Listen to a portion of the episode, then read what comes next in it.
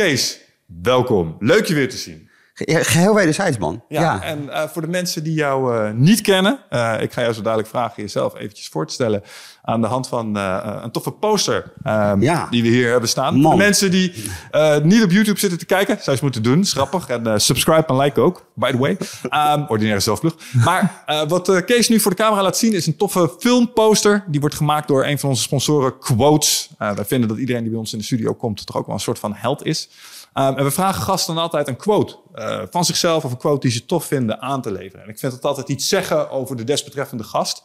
Dus ik dacht, eh, misschien is het tof als je zelf even aan de hand van dit ding eh, voorstelt. Wie ben je, wat doe je en waarom moeten we het systeem in godsnaam hacken, Kees? Hacken. Nou ja, ik ben, ik ben eerst en vooral vader van drie kinderen. En ik zeg dat heel expliciet, omdat dat een, eh, de, een- denk ik wel de belangrijkste reden is waarom ik eh, op mijn eh 50 plus, eh, ik ben ondertussen 54, eh, tamelijk tot zeer activistisch eh, ben eh, geworden. Ik maak me zorgen over hun, eh, ja, over hun toekomst. En, eh, en ik voel het als mijn eh, verantwoordelijkheid om daar in ieder geval alles aan te kunnen en willen doen wat ik kan doen. En eh, dus dat is een belangrijke. Ehm, qua werk eh, combineer ik twee dingen in een werkweek. Ik ben eh, ten eerste eh, medeoprichter van Thrive, Thrive Institute. Waarbij we allerlei initiatieven ondernemen om de betekeniseconomie aan te jagen. Nou, daar komen we straks ongetwijfeld nog verder over te praten. En voor de andere helft van de week ben ik lector betekeniseconomie bij de Hogeschool Rotterdam. En ben ik vooral bezig om onderzoek te doen naar eh, ja, hoe we een nieuw economisch systeem, want dat is wat betekeniseconomie wat mij betreft is. Hoe we dat, eh, hoe we dat gestalte kunnen gaan geven. Wat, wat dat zou kunnen zijn, hoe dat zou moeten functioneren, wat dat betekent voor bedrijven. En eh, niet, eh, niet geheel onbelangrijk ook, wat betekent dat voor opleidingen. Hè? Want we, we leiden op dit moment vooral jonge mensen op, op hogescholen en universiteiten en ook mbo's trouwens, om onderdeel te worden van het probleem en niet van de oplossing. Ehm, en de reden waarom er hack the system eh, staat in plaats van fuck the system, eh, is omdat fuck the system eh, iets is wat contraproductief is. Ehm, eh, daarmee creëer je eigenlijk alleen maar weerstand. En het is niet zo interessant om ergens tegen te zijn. Het is denk ik vooral interessant om ergens voor te zijn. En ik denk dat het allerbelangrijkste wat we kunnen doen om deze samenleving en het systeem te veranderen, is om het systeem eh, ja, te hacken. Dus gebruik te maken van de kansen en de mogelijkheden die in het systeem zitten. Om die te tweaken en, eh, en voor ons te, te laten werken. En er zijn ongelooflijk veel eh, mogelijkheden om het te doen. Terwijl ja, ageren en protesteren en demonstreren eigenlijk heel overzichtelijk is. Er is ontzettend weinig wat je dan kunt doen. Hè. Je kunt alleen je stem laten horen. En, en dat kun je op vreedzame wijze doen of dat kun je op gewelddadige wijze doen. Maar het is ongeveer, dat zijn ongeveer de twee smaken die er zijn. Terwijl als je gaat denken vanuit hacken, van ja, hoe kan ik het systeem nou van binnenuit uh, eigenlijk laten, ja, je zou kunnen zeggen imploderen of oplossen. Ik gebruik ook wel de term dissolutie, de dissolution. Hè, dus het oplossen van machtsstructuren. Ja, dan blijken er honderd en één mogelijkheden te zijn om uh, dit destructieve systeem uh, een andere kant op te laten bewegen. Grappig. Moet denken aan judo, als je dit zo zegt. Ja, of aikido. Ja, meebewegen. Dus meebewegen. Uh, je, je kan, uh, als je er direct tegen ingaat, dus kracht tegen kracht, breekt alles. Ja, nou, dat zie je nu weer met de boeren. Ja. Het is, uh, je ja. krijgt een enorme escalatie op emotie die volstrekt verklaarbaar is, ja. maar die niets oplost. Nee, dus als Nul. Je, als je een specifieke dynamiek probeert stop te zetten, dan is dat uh, met heel veel frictie. En, en wat ik heb geleerd vanuit jiu-jitsu en dat soort dingen, inderdaad, is als je meebeweegt met iets en je gaat daarna kun je ombuigen. En dan krijg je iets een kant op die je wil, maar kost jou minder kracht. Ja. Um, en, en geef je ook meer controle. Dus misschien is het ook wel minder destructief voor jou en je tegenstander. Dus uh, als je al een tegenstandertermen moet denken. Ja. Interessant. Um, dus vandaar, vanuit binnenuit uh, van het systeem. Van binnenuit. Ja. Wat ik ook prettig aan vind uh, aan die manier van denken, is dat het um, hacker kan stapsgewijzer als complete disruptie. Dus hmm. uh, het is voor iedereen ook in de ervaring misschien beter te, hoe zeg je dat? Doseren. Uh, als je het hackt in plaats van te Ja, kijk- die twee opties. Ja, nee, ja, kijk, als je, als je, als je het, eh, het, het de system idioom eh, neemt, dan kom je uiteindelijk uit op een, ehm, een moment van revolutie of ineenstorting. Dat kan niet anders. Hè? Dus ik bedoel, dan, dan, dan wordt de weerstand en de opstand wordt, eh, krijgt een dusdanig eh, ehm, ja, eh, momentum dat het op een gegeven moment gaat over een, een, een, machtsomwenteling of een machtsomverwerping. En dat kan, hè, want de geschiedenis staat er vol mee. Alleen diezelfde geschiedenis leert ook dat het zelden beter uitpakt dan, dan ervoor. Dus het is altijd dat een andere machtsstructuur dan de bestaande machtsstructuur gaat veranderen. Dus je, er, er- anders gezegd, er verandert systemisch niet zoveel. Terwijl ik denk dat waar we nu tegenaan lopen is een systeemprobleem. En in een systeem kun je niet één of twee schuldigen aanwijzen. We hebben een, de, schuld die, wij, die er, eh, er is, voor zover je kunt praten over schuld. Maar goed, laten we dat even voor het gemak aannemen. We hebben een systeem wat op ramkoers ligt, ecologisch. En daar hebben zijn we allemaal debet aan. Uh, maar dat zijn we allemaal. Dat kun je niet alleen maar neerleggen bij een één sector of bij één uh, uh, van de economische actoren. Dat is het hele totale speelveld. En, dus, en dat is dus ook de enige manier om het op te lossen. Dus uh, je kunt niet zeggen van, nou ja, dan, uh, dan doen we deze lineaire interventie en dan, uh, dan doen we dit en dit of we doen even dat en dat en dan is het probleem opgelost. Nee, zolang het systeem nog steeds daaronder hetzelfde functioneert, ja, is het symptoombestrijding en is het dat eigenlijk wachten op het moment dat het systeem zichzelf herstelt en weer verder gaat op de oude voet. Alright, perfect. Dat is voor mij een mooi aanknopingspunt om eens even daar iets meer over in de inhoud te gaan. Um, want je hebt natuurlijk je boek Thrive geschreven, 24 essays over ja. van allerlei knappe koppen over deze problematiek. Je, je hebt ook je, je, Thrive Institute. Maar als we het hebben over deze problematiek, waar hebben we het dan eigenlijk echt over?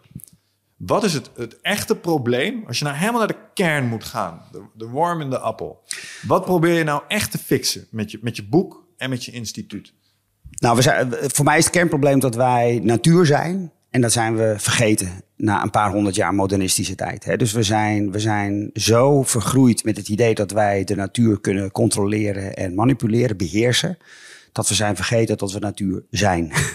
Hè, dus we zijn, we zijn volledig uh, met elkaar gaan geloven in de illusie dat uh, het leven op aarde, de wereld zoals we die hebben gecreëerd, volstrekt maakbaar en controleerbaar uh, is.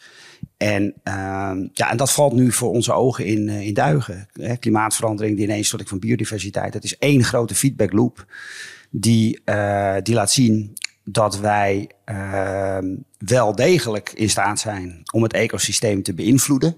Maar dat is iets anders dan beheersen. He, dus uh, je ziet nu de, het antropoceen.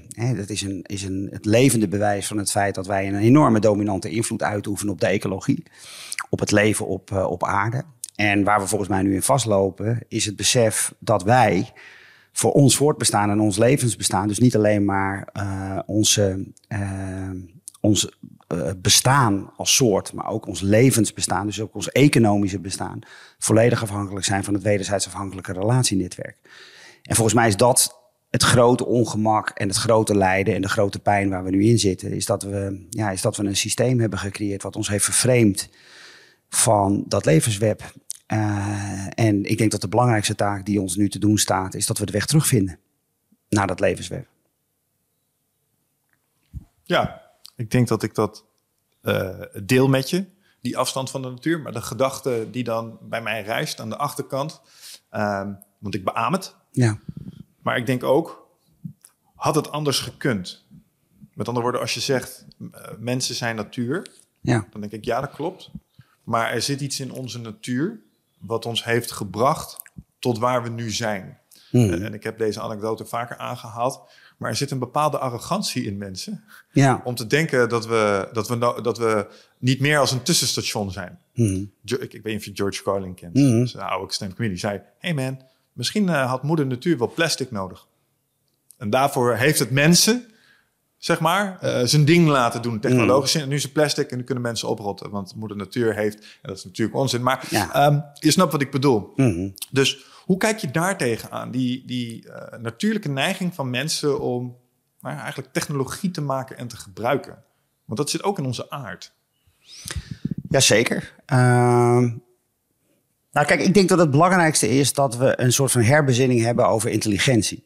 Dus Homo sapiens hè, betekent het wijze wezen. En, uh, en wij gaan er als soort nogal prat op, het, op, ons, op onze intelligentie, hè, op onze cognitie. Het feit dat wij een grote herseninhoud hebben en dat we die ook kunnen gebruiken.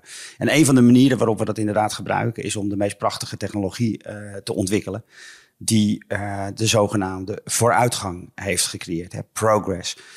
Uh, en zeker in de, in, de, in de modernistische tijd heeft dat een enorme vlucht uh, genomen. Nog verder versneld door de industriële revolutie. Waardoor uh, een beetje de sky the limit is geworden als het gaat over wat wij allemaal technologisch kunnen ontwikkelen. Ehm, alleen als je intelligentie iets breder uh, definieert, dan zou je kunnen zeggen, en daar is, daar is volgens mij een plausibele case van te maken dat uh, ook mossen of het mycelium of planten een enorme intelligentie hebben. Je moet je voorstellen, planten hè, die licht om weten te zetten in, uh, in voedingsbronnen. Hè, die, die voedsel of zuurstof weten te creëren. Het mycelium, wat onder de grond alles aan elkaar verbindt en, en voedingsstoffen uitwisselt.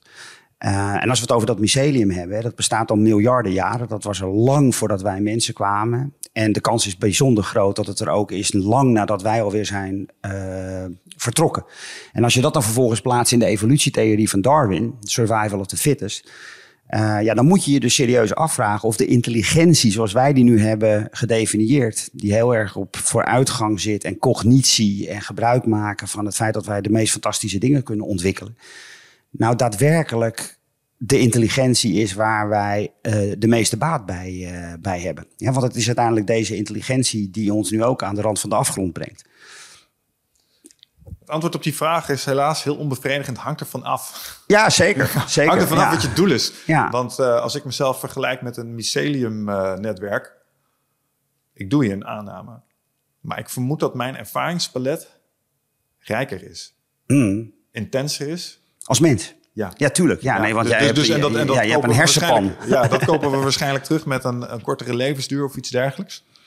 Um, maar ik ontken zeker, um, leuk ook dat je het over het mycelium hebt, maar ik ontken zeker dat er uh, uh, misschien intelligentie zit in dingen die we niet herkennen als dusdanig, die er wel degelijk is. Uh, een ander voorbeeld dat ik van planten weet is dat, dat vind ik heel interessant, als er een struik is met bepaalde bladeren die bepaalde dieren aanvreten, dan geeft die plant een signaaltje aan de mhm. buurplanten via dat netwerk. Vaak wordt het ondergrond, ja, ondergrond, zo, ja. via het planteninternet. Zo van, hé, hey, we worden aangevreten, let op. En dan gaan drie planten verderop, die gaan hun smaak aanpassen. Ja, intelligentie, hè? hey, dat is intelligentie. Ja, dat, Dat, dat is interessant. Um, en, en, zo zijn er nog een aantal van die, van die voorbeelden van je denkt, ja, oké, okay, maar er, is hier, er wordt hier gereageerd op prikkels. Ja, kijk, en ik begrijp me niet verkeerd, hè. Ik wil daarmee niet de menselijke intelligentie bagatelliseren. Hè? Want uh, die, die is er, die is evident. En uh, we, staan in, we zijn in staat om wonderen te verrichten. En ik denk dat we dat moeten vieren. Ik denk alleen dat deze tijd wel één ding duidelijk maakt. En ik denk dat dat de meest fundamentele wijsheid is die wij herontdekken. Hè? Want onze inheemse broeders en zusters uh, hadden deze wijsheid al honderden, duizenden jaren geleden, tienduizenden jaren geleden omarmd. En dat is dat wij onderdeel zijn van een groter geheel en van een levend systeem. Het, het leven op aarde vertoont al 3, zoveel miljard jaar exact dezelfde principes en patronen. En er is één hele simpele wetmatigheid waar we nu mee geconfronteerd worden. Dat is dat wij die principes en die patronen in acht hebben te nemen. Punt. Meer is het niet. En als wij dat weten te doen, als wij gewoon weten te leven binnen de beperkingen die ons worden geboden en we gebruiken die intelligentie om daar het maximale uit te halen, dan kunnen wij hier als soort in harmonie met al die andere soorten nog miljarden jaren verder uh, voortbestaan. Het probleem is, is dat wij die grenzen niet in acht nemen. Er zijn negen planetaire grenzen waarvan we er zeven kunnen meten. En van die zeven hebben we er zes ondertussen overschreden. Als we dat even in een economisch uh, perspectief plaatsen, dat betekent dat we dus op zes van de zeven mogelijke manieren schuld aan het creëren zijn. En zoals dat ook geldt met economische schuld, schuld moet op een gegeven moment worden ingelost. Ja. Welke pijlers zijn dit? Nou ja, dat is uh, klimaatverandering, dat is biodiversiteit, dat is de verzuring van de oceanen. Dat zijn, dat is, hè, als je het, uh, het werk van Johan Rockstroom neemt en de Stockholm Resilience Center. Uh, dan kun je daar uh, tot op een punt en komma nauwkeurig zien wat dat precies behelst. Maar wat het feitelijk gezien combineert en betekent is, het is ons huis. het is ons huis waar wij volledig van afhankelijk zijn. Het gaat over onze voedselvoorziening, het gaat over zuurstof, het gaat over uh, leven letterlijk. Hè? De, de, de biodiversiteit, wat geen de koorstuk is, wat geen luxe is, maar, reden, maar uh, rechtstreeks de bron van ook onze toekomst en voortbestaan. Ja. Ja, nee, uh, I fully agree. Uh, als je er op een afstandje van naar zou kijken, is het overduidelijk dat er, dat er roofbouw uh, wordt gepleegd. Ja, ik nou ja, ik denk dat het zelfs nog verder gaat. Het is een vorm van zelfmoord. Het is zelfmoord. Het is, het is alleen zelfmoord op een hele tussen aanhalingstekens trage manier. Want uh, ik weet niet of het je zo alles opgevallen, maar het gaat nu heel snel.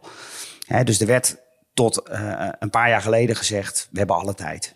De transitie is, oh, het is heel ingewikkeld, maar alle tijd mensen, maak u niet druk. U kunt gewoon blijven barbecuen. Uh, en nu zien we dat dat gewoon niet waar is. We hebben, we, we, we, we, nou, we rezen af op een systeemcrisis. En elke dag nu zie je het terug in de krant. De opwarming van de aarde gaat veel harder. De stikstofcrisis die nu ontstaan is met de boeren, die wordt al 30 jaar lang wordt die aangekondigd. We hebben het 30 jaar lang voor ons uitgeschoven en veronachtzaamd. En nu is het moment dat we er niet langer omheen kunnen. We hebben een waterprobleem, we hebben een uh, fijnstofprobleem. Uh, alle crises die we kunnen bedenken, dienen zich aan. Omdat we al 30, 40 jaar lang denken het te kunnen beheersen. En dat kunnen we niet. Is het niet gewoon tijd om, uh, om de boel te laten klappen dan? Nou, Denk ik wel eens uh, op mijn meest donkere, cynische momenten. Nou ja, kijk, ik, ik ben daar niet voor. Uh, omdat in, in één laten klappen. ook daar zijn voorbeelden van in de geschiedenis. Hè. We, hebben, we hebben meerdere collapses meegemaakt. Hè. De bekendste is het Romeinse Rijk. En uh, dat zijn nou niet bepaald lichte periodes in de geschiedenis van de, van de mensheid. Er komt niet bepaald het beste naar boven van, uh, bij mensen. Uh, dus ik, ik denk dat we er alles aan moeten doen om dat proces zo goed en zo kwaad als dat kan goed te begeleiden. Er is een hele interessante beweging in de wetenschap uh, uh, die opmars maakt. Uh, overigens niet alleen in de wetenschap, maar er zitten een, een prominent aantal wetenschappers zijn eraan betrokken. Die wordt de Just Collapse beweging genoemd. Hè? De juiste ineenstorting. De vaardige ineenstorting. Het wordt ook wel deep adaptation genoemd. Hè? En, en dat betekent dus dat we ten diepste en zo goed mogelijk als het kan, de ineenstorting uh, ja, proberen te begeleiden. dus eigenlijk zeggen deze wetenschappers, en ik moet je eerlijk zeggen dat ik steeds meer munitie in de data vind als ik die bestudeer, om dat geen onzin te vinden. Dat het helemaal geen kwestie meer is van uh, dat we de ineenstorting nog kunnen voorkomen. We zitten er al middenin. He, de, de val van het Romeinse Rijk. Mensen hebben het idee, hè, volstrekt ten onrechte dat, je, dat mensen wakker werden op een dinsdagochtend en dat het Romeinse Rijk opeens was gevallen in die nacht. De, het feit is dat het bijna 100 jaar heeft geduurd, die val. En dat er achteraf, connecting the dots, dat ze konden zeggen, ah, hier is het eigenlijk begonnen. En wij zitten nu in zo'n soortgelijk uh, proces. Hè? Dus het, de, het rapport van de Club van Rome uh, is eigenlijk het begin van de collapse.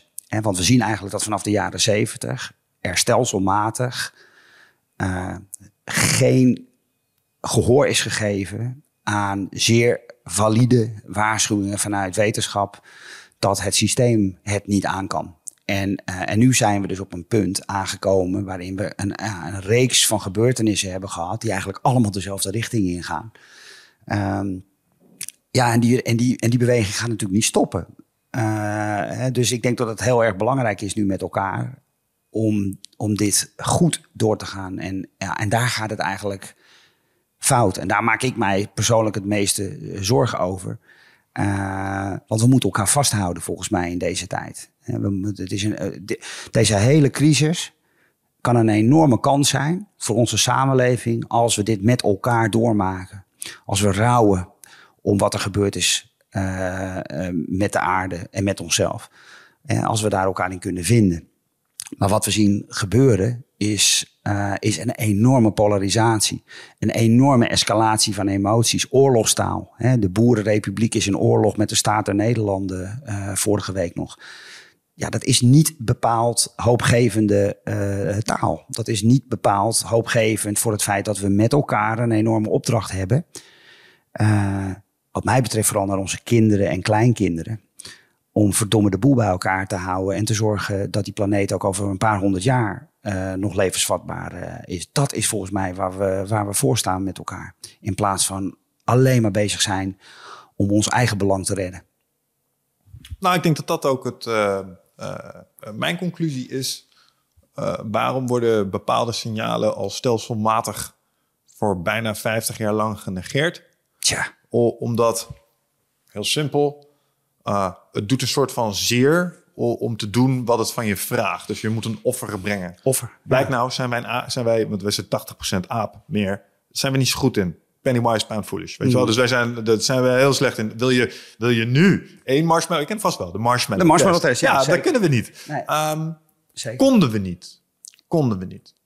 Maar ik weet ook van mensen, wij zijn een adaptieve soort. Ik zei aan het begin van deze podcast tegen jou van een van de redenen waarom ik ook uh, dit, een, uh, uh, dit onderwerp wil aanpakken. Ik, ik, ga best veel mensen spreken de komende tijd over dit onderwerp, want het houdt mij ook bezig. Maar wat ik heel graag wil doen, is ook kijken naar die dingen um, die je um, het idee gaan geven van ja, maar we kunnen dit tegelijkertijd ook wel klaren. Mm -hmm. Zonder techno, techno-tovenaar te zijn. Mhm. Ja, ik ben wel een techno-optimist, maar geen techno-tovenaar. Dus we, sommige dingen kunnen we gewoon simpelweg nog niet.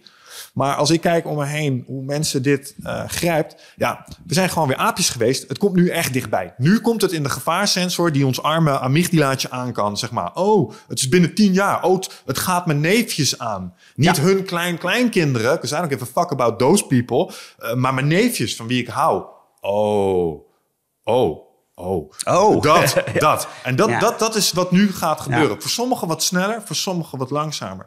Maar dat vermogen hebben we allemaal in ons. En als we daar op een gegeven moment... En, en dat is het ding, hè. Je zegt polariserende maatschappij. Dat is, dat is voor mij ruisende kantlijn. Mm. Elke transitie heb je mensen die overal van alles van vinden. Zeker. Maar die mensen, die, die lopen... Daar gaat het niet om. Het gaat nee. me om de mensen die... Het gaat me om de baas van hun bazen. Mm. Die mensen beginnen het nu langzaam maar zeker te zien en te snappen en te voelen. En die willen dingen doen. We zeiden het er straks al, we hebben nu twee opties, mijns inziens. We kunnen het probleem aangaan, uh, we kunnen het fixen. Of we kunnen het probleem aangaan en we gaan strijden ten onder. Ja. Maar in de feutshouding gaan liggen, dat behoort niet tot opties wat mij betreft, nee. snap je? Nee, en ik denk dat zodra mensen in die houding komen, met z'n allen, ja, dan zijn we ook wel daadkrachtig kijk wat we voor elkaar hebben gekregen. Kan ook de andere kant op. Ja. Geloof ik echt. Ja. Nee, kijk, wat jij, kijk, wat jij, wat jij uh, zegt en schetst, in ieder geval zoals ik het interpreteer, ja, daar ben ik een, een hartstochtelijk voorstander uh, van. Kijk, ik denk dat we technologie moeten gebruiken nu om uh, op de zo constructief mogelijke uh, wijze. En, en ik denk dat we technologie daarin ook moeten omarmen. Hè? Dus ik uh, ik ben zeker niet tegen technologie. Waar ik wel een probleem mee uh, heb, is een, in ieder geval een deel van de ecomodernistische beweging. Die pretendeert dat er niets aan de hand is. Hè? Dat we dit is all under control. En we kunnen verder groeien en technologie wil zeven zal. Dat is, net, dat is, nou ja, dat is tovenaarsgedrag. Hè? Dat is een soort van fantasie creëren, een utopie. die niet klopt met de werkelijkheid. Ik denk dat als we elkaar kunnen vinden in het feit dat het twee minuten na twaalf is. En dat we zowel vanuit conservatisme, het beschermen en het uh, proberen te eren en redden wat er nog is aan natuur. En tegelijkertijd door middel van technologie te interveneren op een manier dat wij die planeet leefbaar houden voor onszelf. Ik denk dat dat een hele, een hele dynamische, constructieve mix kan, uh, kan, uh, kan zijn. En er is gelukkig ook bijzonder veel ja, techniek waar we gebruik van kunnen maken. Ik denk alleen dat we eerst onze eerste hartaanval moeten hebben. Ja. Want ik, ik zit de hele tijd te denken, als we het hierover hebben, aan een... Als we ons als maatschappij hè, gewoon nou eens even vergelijken met een, uh, een verwend vet persoon. Mm. Die niet wil trainen en alleen maar slecht eet en rookt. Die mensen kun je duizend keer vertellen dat intermittent fasting en niet roken een goed idee is. Mm. Ze doen niks. Nee, Waarom is dat? De pijn is nog niet groot genoeg geweest. nee, precies. Dus eh, mijn vader is een mooi voorbeeld hiervan. Die, is, die was aan het roken, die had overgewicht, werkte te veel, eh, zorgde niet optimaal voor zichzelf. Toen kregen ze eerst een hartaanval. Toen was het roken direct voorbij, toen gingen we op dieet, toen eh, et cetera, et cetera. En sindsdien is hij veel bewuster daarmee bezig. Ja. En ik denk nog wel eens, we moeten onze eerste hartaanval krijgen. En misschien hebben we die inmiddels al. Ja. Hè? Het is een hele slow motion hartaanval. Maar ik denk daarna dat wij mensen als soort... We, we kunnen onze shit van elkaar krijgen. We hebben Ja. het eerder gedaan. En ehm nou, Nou, ik met name ben ik, ben ik heel erg in geïnteresseerd. Want ik geloof wel dat we in de rat zitten. Maar ik geloof ook dat er oplossingen zijn. Nou, ik, vergelijk het, eh, ik vergelijk het wel eens met, een, eh, met, met verslaving. En dat is ook een hele eh capabele vergelijking. Hè? Dus ik heb, een, ik heb een goede vriend ge- gehad. Hij leeft jammer genoeg niet meer. En die was verslaafd aan de alcohol. En, en wij hebben als vriendengroep ja, jarenlang op hem in geprobeerd te praten... om hem te laten stoppen met drinken. Je, je, kunt, je kunt je niet voorstellen wat wij allemaal niet aan argumenten hebben aangedragen. En niets hielp. Niets hielp. Totdat hij eh, op een avond zijn auto in de prak eh, reed met zijn dronken harsers. En eh, uit die auto werd geplukt en zich zo kapot schaamde voor zijn, voor zijn gedrag. Dat hij zelf tot inzicht kwam. En zoals dat dan in verslavingszorg heette, hitting rock bottom. Eh, en, toen, en toen, daarna heeft hij nooit meer gedr- gedronken en is hij in herstel eh, gegaan. En ik heb het gevoel dat wij nu collectief ook zo'n proces doormaken. Waarbij de mensen die, eh, nou ja, ik ben er één van. Ik ben een van die vrienden die nu langs de, langs, eh, de weg staat en zegt: Jongens, hou, hou nou op. We moeten echt anders gaan, eh, gaan, gaan, gaan doen. En we horen het niet, omdat we nog niet gecrashed zijn. Dus ik, ik ben het met je eens. Ik denk dat dat hartaanval, wat jij, die hartaanval die, je, die jij beschrijft, of het ongeluk die mijn jeugdvriend heeft gehad, een hele vaardige omschrijving is van datgene wat we nog nodig hebben om tot. Tot inkeer eh, te, te komen. En, eh, en tegelijkertijd is dat ook pijnlijk, man. Ja, Eh, ja, want het is niet leuk om eh offers moeten brengen. Laten we het hebben over het barbecuen. Dat is het ding waar ik nu het, het, het meest mee worstel. Mijn relatie met vlees. Kan ik, schiet op met dat labvlees, boys and girls. Ik wil gewoon op zonne-energie gekweekt labvlees. Ik maak de transitie per direct voor je. No worries. Maar ik vind het fucking moeilijk als ik in het supermarkt... Ik ben ook bereid om er meer voor te betalen, merk ik. Oh, laat het twee tientjes kosten voor Ja. vijf speklappen. Ik, ik leg het neer, weet je wel. Ja. Fuck it. Ehm, want zo'n verslaving en relatie daarmee... Ehm, wat overigens een geldige oplossing zou kunnen zijn voor trouwens. Ik ben bereid om meer te betalen voor dingen als het de kosten die we maken aan de achterkant helpt oplossen. Maar dat is misschien iets waar we het zo nog over kunnen hebben als zijn de Zeker. mo- mogelijk, mogelijke oplossingen. Ehm, Maar kijk, hier doe je iets heel belangrijks. Hè? En dat is heel belangrijk. Jij, kijk, je erkent dat jij dit problematisch vindt. Dat jij het hier moeilijk mee hebt. En daar zit, daar zit denk ik een ontzettend belangrijke eh, stap. Eh, waar je ziet dat we, waar de transitie nu eh, eh, stokt. Of de systeemverandering. Of in ieder geval lijkt te stokken. En dat is dat een heleboel mensen deze erkenning nog niet aan kunnen. Hè? Dus die zeggen gewoon blijf met je tingels van vlees af. En, en zeg maar niet dat ik over moet stappen op een plantaardig dieet. En die kunnen nog niet bij zichzelf te raden gaan van... joh, waarom ben ik zo vijandig? Want als je bij jezelf herkent, ja, maar ik vind vlees gewoon lekker... dan kun je, dan kun je een veel gezondere relatie eh, ontwikkelen... Met, dat, met die ontwikkeling die gaande is... dat we over moeten stappen naar een plantaardig eh, dieet. En dan kun je je veel... Ja, dan kun je veel constructiever openstaan voor alternatieven... in plaats van alleen maar in weerstand gaan. ja, ik ben bang dat dat gewoon je inner rebel is, man. Als ik naar mezelf kijk, nee, maak zelf uit. ja, nee, tuur- nou ja, niet in de laatste plaats, omdat we natuurlijk allemaal eh, de afgelopen pakweg eh, 7500, 200 jaar de vruchten hebben geplukt van een liberale, neoliberale samenleving. Waarin eh, het individu nogal nadrukkelijk eh, centraal staat. We hebben afscheid genomen van alle zuilen met alle belemmeringen die daarbij eh, zitten. En iedereen ja, is dus opgegroeid met het idee van ja, ik bepaal zelf wat ik wil. Weet je. Ik, ben zelf, ik beschik over mezelf. Ja. En dat is een groot goed, hè? begrijp me niet verkeerd. Alleen het komt natuurlijk ook wel met bepaalde verantwoordelijkheden. En die worden nog wel eens vergeten. Nou ja, het is een ongekende rijkdom. Ehm, en, we zien dat we die maar moeilijk kunnen loslaten. Getuigen lockdowns, pandemie en alle Ja. vrevel die dat veroorzaakt heeft. Ja. Um, en ik denk dat er een soortgelijke dynamiek gaat plaatsvinden hierin. Dus alle aanpassingen die we gaan maken maatschappelijk, zoals bijvoorbeeld een carbon wallet of uh, het trekken van, zal allemaal worden bevochten. Zeker. Uh, vanuit hetzelfde, ja, maar ik wil dat niet opofferen, want wat, waarom ik, weet je wel, be, ja. beetje dat. Um, nou, kijk, en daar, daar, raak je, daar raak je nog een heel belangrijk punt, Michel. Wat, wat, eh, want jij maakte net een verwijzing naar uh, we, we can do this. Hè? We, het is een transitie en uh, transities uh, daar, die, die, die kunnen we succesvol afsluiten. En dat is waar. Maar transities kunnen ook mislukken. Dus uh, het is niet zo omdat er een, een model en een theorie is. Hè. Jan Rotmans en Dirk Loorbach hebben twee prachtige, geweldige wetenschappers op dit gebied. Die hebben de meest fantastische modellen uh, ontwikkeld die laten zien hoe een transitie in elkaar zit.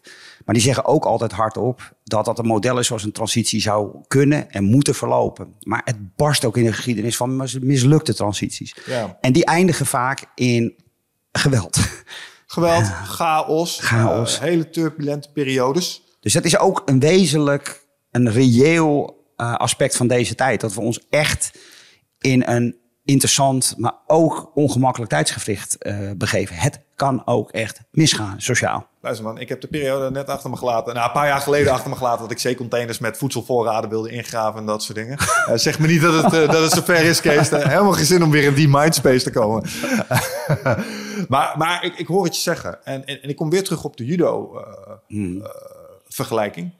Want stel je nou toch eens voor dat we inderdaad geworpen gaan worden. Dus we worden straks gegooid. Met judo kan je twee dingen doen als je iemand gooit. Je kan hem, als je hem mag, of als je hem niet mag, laat je hem los. En dan valt hij echt heel hard. Maar als je hem mag, kan je hem vasthouden. Je kan iemand begeleiden in zijn ja. worp. Wat nou als wij er eens voor zorgen dat, ja, we gaan vallen. Je hebt ook valbreken. Hè? Ja, ik ga vallen, maar als ik bepaalde dingen doe als ik val, doet het aanzienlijk minder zeer. Ja, vind ik mooi. Ik denk dat we daarna moeten gaan kijken. Ja, ik denk dat we, dat we, de, dat we, de, we gaan, het gaat knallen. Maar we kunnen wat, wat het gaat doen wel nivelleren. Want dat is wat we kunnen. Nou, kijk, er is een, er is een prachtige uitspraak uh, van Joanna Macy, een, een groot Amerikaanse filosoof, boeddhiste. Uh, en zij zegt: we, we need to hospice the old and midwife the new. We moeten stervensbegeleiding hanteren voor het oude systeem en geboortebegeleiding voor het nieuwe systeem. En dat vind ik een ongelooflijk mooie, liefdevolle beschrijving voor wat ons te doen staat. De reden waarom het bijvoorbeeld nu zo klapt met de boeren, is omdat het respectloos is uh, uh, met een volstrekt gebrek aan compassie en empathie om de boeren in één keer uh, dood te verklaren. Dat, daar hoort stervensbegeleiding bij. Daar hoort bij dat we de boeren met de volle inachtneming voor wat ze voor ons hebben betekend en nog betekenen, een nieuw perspectief bieden, ze erbij houden, ze bedanken voor wat zij doen in plaats van wegzetten als de volksvijand nummer één super kwalijk. Super kwalijk. En tegelijkertijd betekent dat ook, en ook daar gaan we de mist in, dat we, het, als we het weer even over de land- en tuinbouwsector hebben, dat we al die nieuwe initiatieven waar toekomstperspectieven in zitten, er ook laten komen in plaats van laten spartelen ondergronds wat we nu doen. want we zien alleen maar, er is alleen maar aandacht voor de protesterende uh, boeren. En er is geen enkele aandacht voor, voor al die honderden, duizenden landbouwers en, uh, en die het wel op een toekomstbestendige manier doen. Die horen we niet. Die horen we niet. Dus, dus, en, de, dus wat jij nu net schetst, is de fucking essentie. Ja. We, we, laten de, we laten de boel klappen en we moeten de boel bij elkaar houden en we moeten met elkaar vallen. En dat betekent dat we in dit geval met de, boer, met de boeren. Ja. En ze begeleiden uh, bij, bij de rol uh, en laat zien hoe je het kan doen. Maar, en dat ziet er dan in het echt uit als bijvoorbeeld alternatieven laat zien. Door, uh, dat waar we hier zitten zijn geldige alternatieven. Vol. Ja, die zijn er voldoende. Zijn, de, die hele sector heeft een waanzinnig florerend toekomstperspectief. De boeren, de boeren waren belangrijk en zullen in de toekomst immens belangrijk zijn. Alleen hun vak, hun professie gaat veranderen. Um, en het gaat nu alleen maar over uh, uh, dat, het, dat, uh, ja, dat de boeren een probleem zijn, dat stikstof een probleem is, dat CO2 een probleem is. En begrijp me niet verkeerd, dat is ook zo. maar presenteer dan de oplossing. En de oplossing is niet, we gaan een paar duizend boeren saneren en die tenten laten sluiten en ze uitkopen. Dat is, dat is typische lineaire prietpraat die geen eer doet aan de complexiteit van het, van het systeem. Uh, en het is vooral ook olie op het vuur, want het polariseert en het verdeelt alleen maar in plaats van, van de verbinding maken, namelijk we're in this shit together. Ja, en kijk, en dit zijn typisch van die constructen waarvan ik denk, ik weet niet of het ergens of het stuk gaat. Snap je? Bijvoorbeeld het huidige politieke bestel. Hey, de wet, laat me vooropstellen, ik heb Jan Terlouw gesproken. Die heeft ons op het hart gedrukt. De wet is het mooiste wat er is. Vergeet dat nooit. Nou, dus vergeet nooit wat je allemaal ervaart bij de gratie van ons fantastische rechtssysteem en de democratie. Ja, er gaan dingen mis.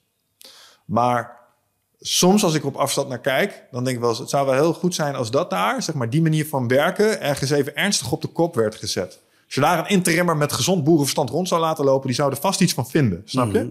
Ehm, en hoe we dat besluitvormingsproces meer weer naar meer referenda of zo, meer naar het volk kunnen trekken. Want we're in this together. Nou, laat mij dan ook mee bepalen. Misschien vind ik het wel oké als burger om uh, die transitie drie jaar te laten duren. Als mij wordt gepresenteerd wat de kosten zijn. Dan gaat nee, dit wel door, gaat het dit niet door, weet je wel. Dus daarvan denk ik wel eens, nou, ik weet niet of het zo erg is of daar, uh, als daar eens een keer wat op de kop wordt gezet. Nee, ik ben het helemaal met je eens. En, en, en kijk, gelukkig uh, wordt, er, wordt er steeds meer aandacht besteed aan burgerberaden.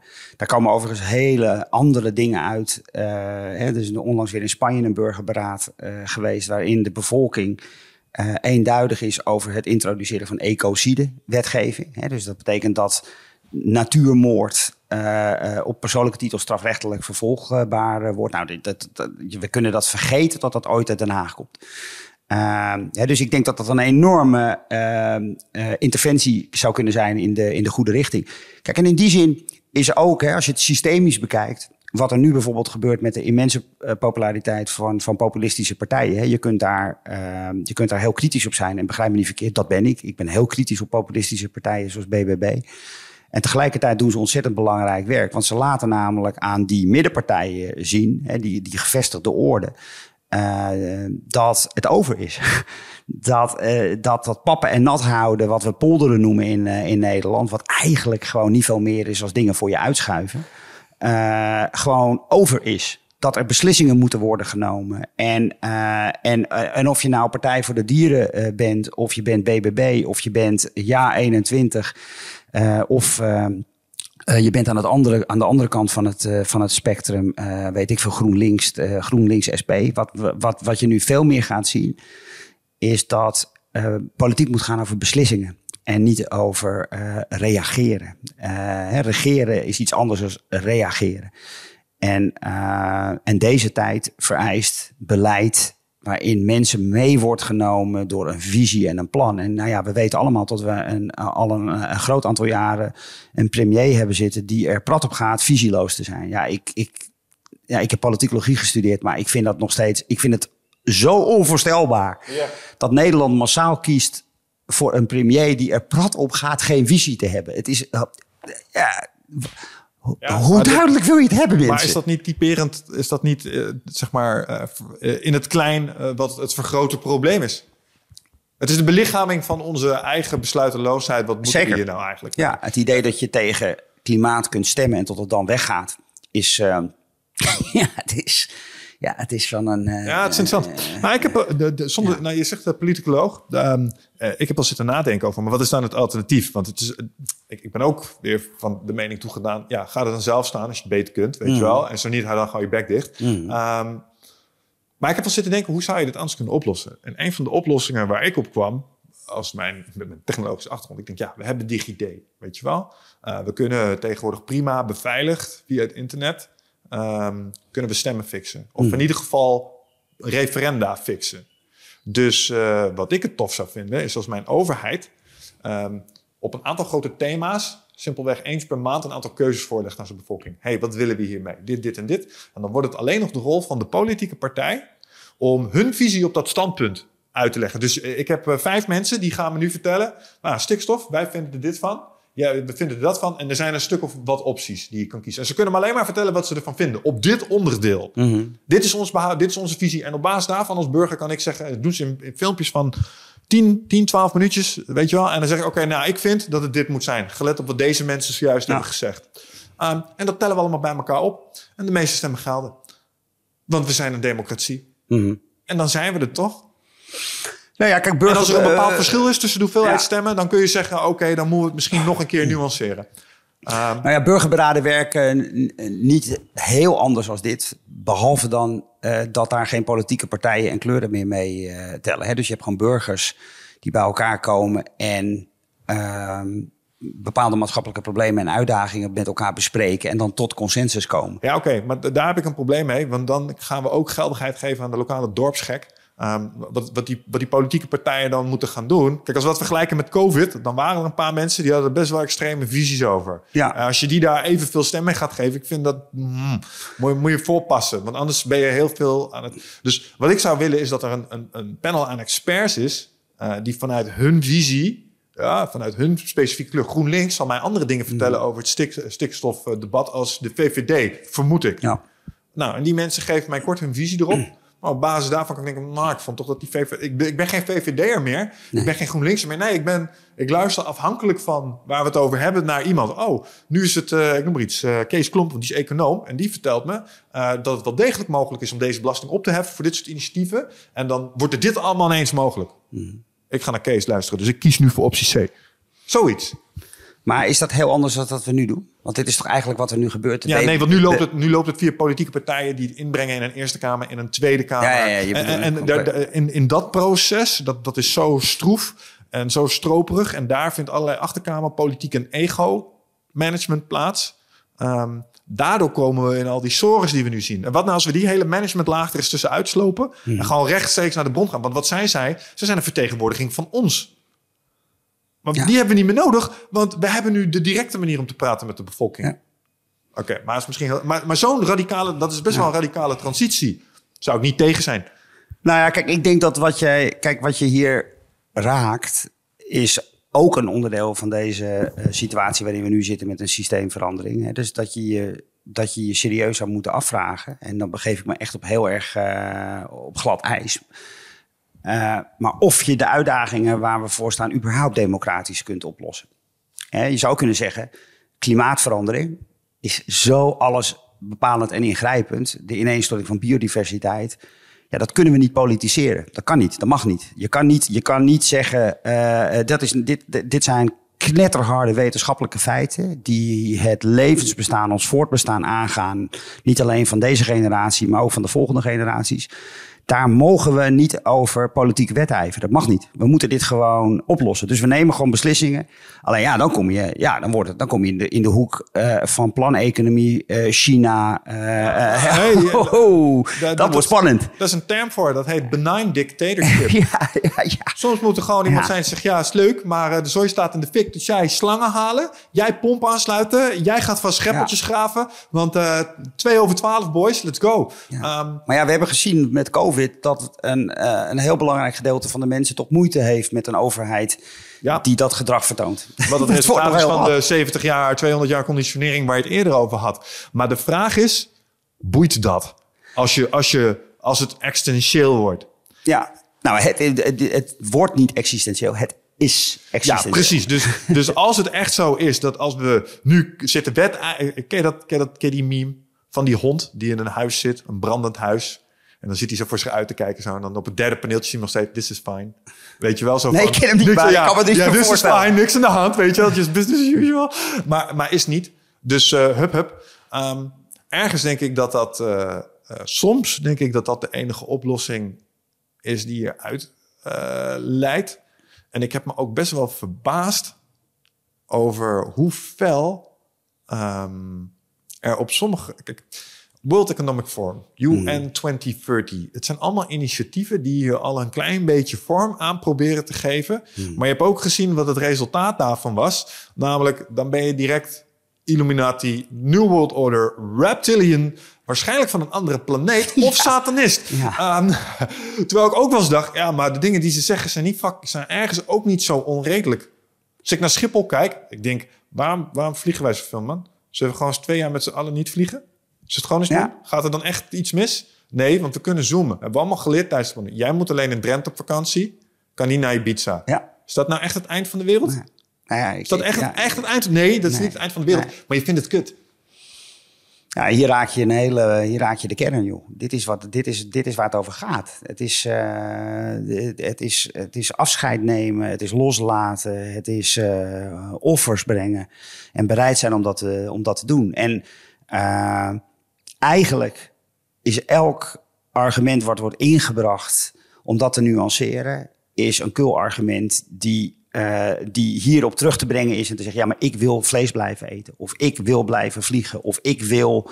Uh, en, en, en daar gaat het elke keer. Dit gaat, wat ben je bereid om te offeren voor, voor, voor de ongeboren generaties? Kijk, en dat kan, maar dan moeten we één ding doen. Namelijk wij als de mensen die het ook deel zijn geweest van het probleem, wij moeten er ook verantwoordelijkheid voor nemen. Dus we moeten voorgaan. Ik kan niet van mijn neefjes vragen: hey, ga niet de wereld over als ik al in Las Vegas, nee, Mexico. dan zullen ze zeggen tegen mij hé, hey, maar jij deed het ook.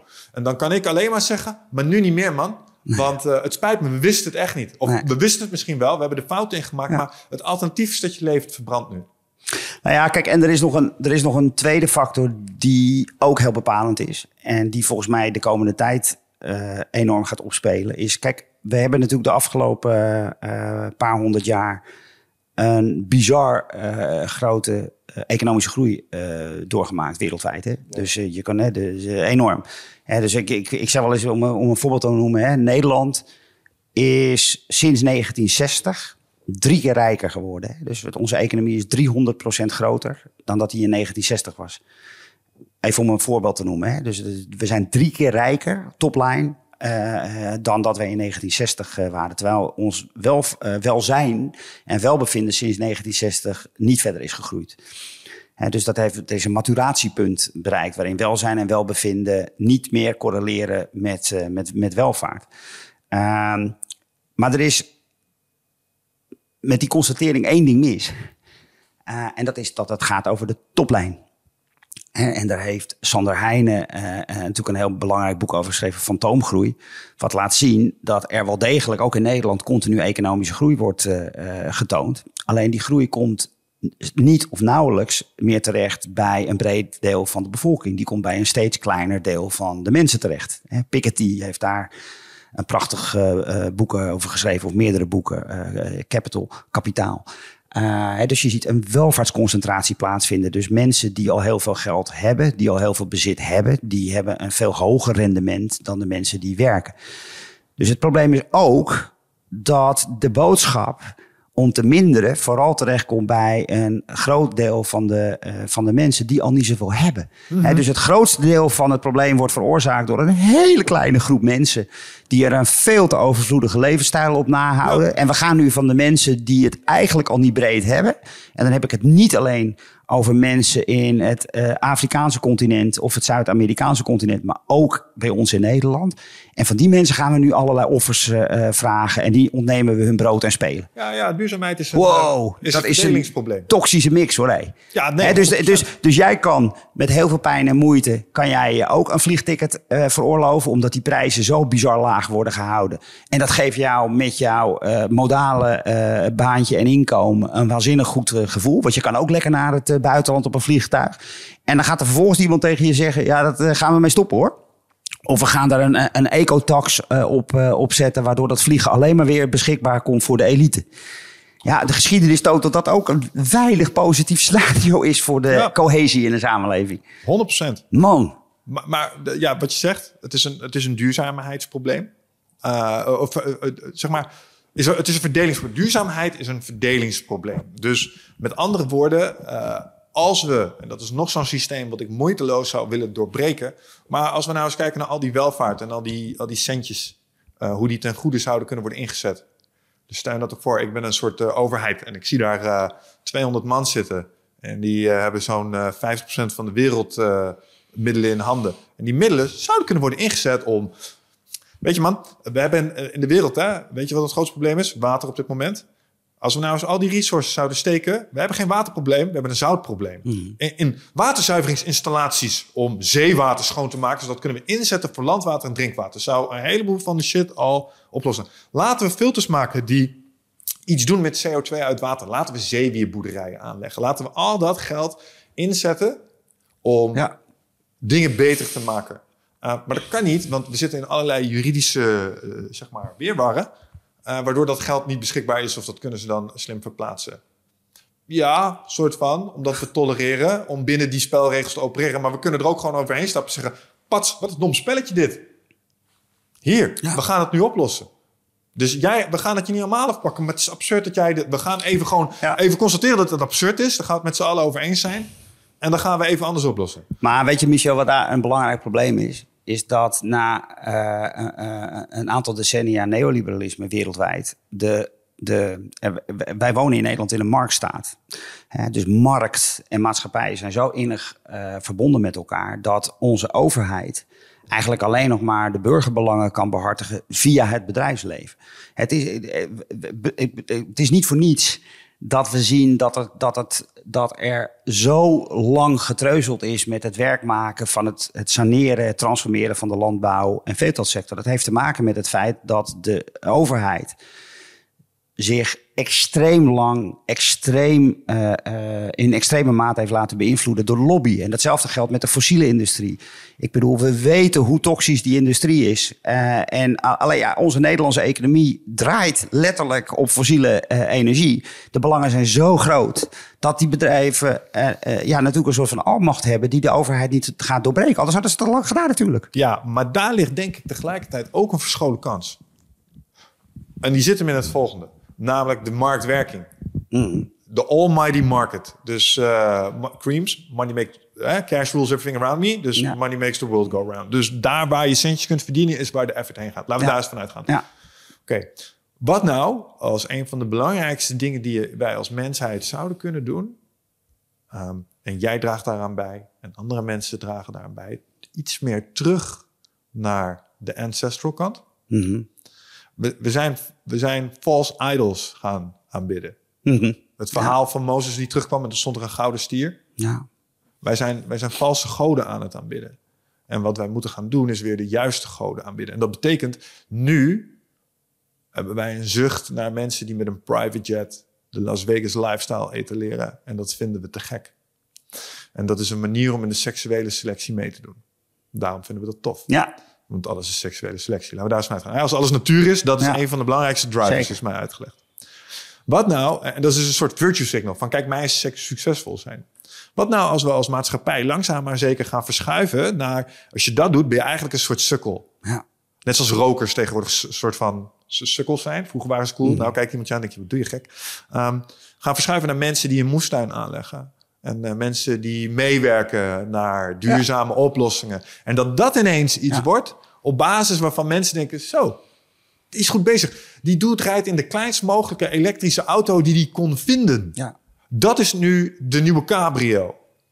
Ik denk dat als we dat gefixt krijgen, dan, dan vloeit alles mee. Nou, ik denk, ik, ik, eh, ik denk het ook. Ik denk dat het heel belangrijk is. En ik, ik, het stemt me ook hoopvol dat je dat ook ziet gebeuren. Hè? Dus als je, als je iemand als eh, Billie Eilish neemt, een, eh, een, een van de nieuwe popsterren eh, voor jongeren, weet je, die, ja, die doet meditatie-sessies tijdens haar concerten. Hè? Die is super eerlijk over haar eigen climate fear. Compenseert alle CO2 van haar tour. En, eh, en dra- eh, loopt in kringloopkleding en draagt dat ook uit. En, eh, en ik begrijp, begrijp me niet verkeerd. Hè. Het is natuurlijk een- het meisje is schat hemeltje rijk aan het worden van haar carrière. Ehm, maar ik zie wel dat er een, onder jongeren nieuwe sterren ontstaan die inderdaad een andere lifestyle gaan, gaan, gaan uitdragen. Eh, en een andere manier eh, van, van verhouden. En dat is, een ontzettend, dat is ontzettend belangrijk. Want dat, komt, dat, dat, dat leer ik ook uit mijn eigen onderzoek bij de hogeschool. Dat houding alles bepalend eh, is. Hè? Dus als je het hebt over het creëren van gedragsverandering ten faveur van deze systeemverandering, dan blijken kennis en kunde extreem tekort te schieten. Dus als ik het even plat sla, eh, ik kan mijn studenten in een week alles leren over wat klimaatverandering is, cognitief. Ik kan ze in een tweede week 101 vaardigheden aandragen om daarmee om te gaan. Maar er verandert niks totdat die student in kwestie zich geroepen voelt om iets aan dat klimaat te gaan doen. En dat heeft geen fuck te maken met je kennisniveau eh, eh, of met je eh, vaardigheidscapaciteiten. Dat heeft te maken met hoe jij je verhoudt tot die materie. Voel jij je intrinsiek gemotiveerd en betrokken bij de maatschappelijke problematiek? En, uh, en daar ligt een hele belangrijke taak voor het onderwijs, want daar doen we geen fuck mee. He, dus wij, wij leiden onze kinderen al vanaf de uh, lagere school op op basis van die cognitieve uh, vakken. Hè. Je, we, we, stampen ze vol met allerlei kennis en we leren ze een beetje hoe ze die kennis toe moeten passen. Maar er is geen enkele ruimte om die verbinding met die natuurlijke leefomgeving te vinden en met elkaar. Dat wordt er allemaal uitgeslagen in de CITO-toetsen. En ik denk Zeer problematisch. En ik denk dat die daar juist zit, man. Want mensen weten pas wat ze willen als ze het zien. Ze snappen het pas als ze het ondervinden. Yes. Ja, je had me vier maanden geleden van alles kunnen vertellen over landbouw en bosonderhoud en al die dingen. En dan was het, had ik een beetje glazen gekeken, want ik had het niet gesnopen. Nu zit ik er middenin. Ik snap alles nu aanzienlijk ja. water. Ik snap de droogte-issues nu aanzienlijk beter... omdat ik met de fucking trekker hier bomenwater aan het geven ben. Snap je? En wat dat doet. Ik begrijp tegelijkertijd ook waarom trekkers fucking handig zijn. Snap je? Uh, en dat we sommige dingen echt op onze blote knieën voor moeten danken... want die gaan we nodig hebben. Dus technologie is wel degelijk daar een oplossing in. Maar in die ervaring... We hadden het er straks, uh, voor de podcast hadden we het erover. Uh, jij zag geen insecten in je tuin. Mm -hmm. Ik zag ze ook niet, tot een, paar, tot een paar dagen geleden. Dat ik dacht, ah, daar zijn ze. Um, maar het feit dat ze er niet waren... en het feit dat het er minder zijn... het feit dat je het kunt zien... snap je? Dan wordt het echt... Oh, ook in Nederland. Ik zag een plaatje ja. van een of andere tornado die naar beneden kwam. Wat was het? In Vliering of zo? Zierikzee, ja. ja. Er zijn doden bijgevallen, hè, overigens. Ja, nee, maar uh, gewoon... Oh, dus in ja. Nederland. In Nederland, Oké, okay, nou snap ik het. Dus, uh, dus dat is twee. Dus je moet ze gewoon nou, gewoon, uh, het zou heel waardevol zijn om mensen uh, het te laten ervaren. Want ja. uit een boekje werkt het niet. Um, maar dan vervolgens ook de, maar hoe ziet het gedrag er nu uit hierna? Nou, kijk, ik, wat, wat, mij, wat mij heel veel hoop uh, geeft en waar, ik ook, waar we ook bij de hogeschool gebruik van, van maken. Als we, we zijn heel druk bezig nu om een nieuw curriculum te ontwikkelen, wat hierop gebaseerd is.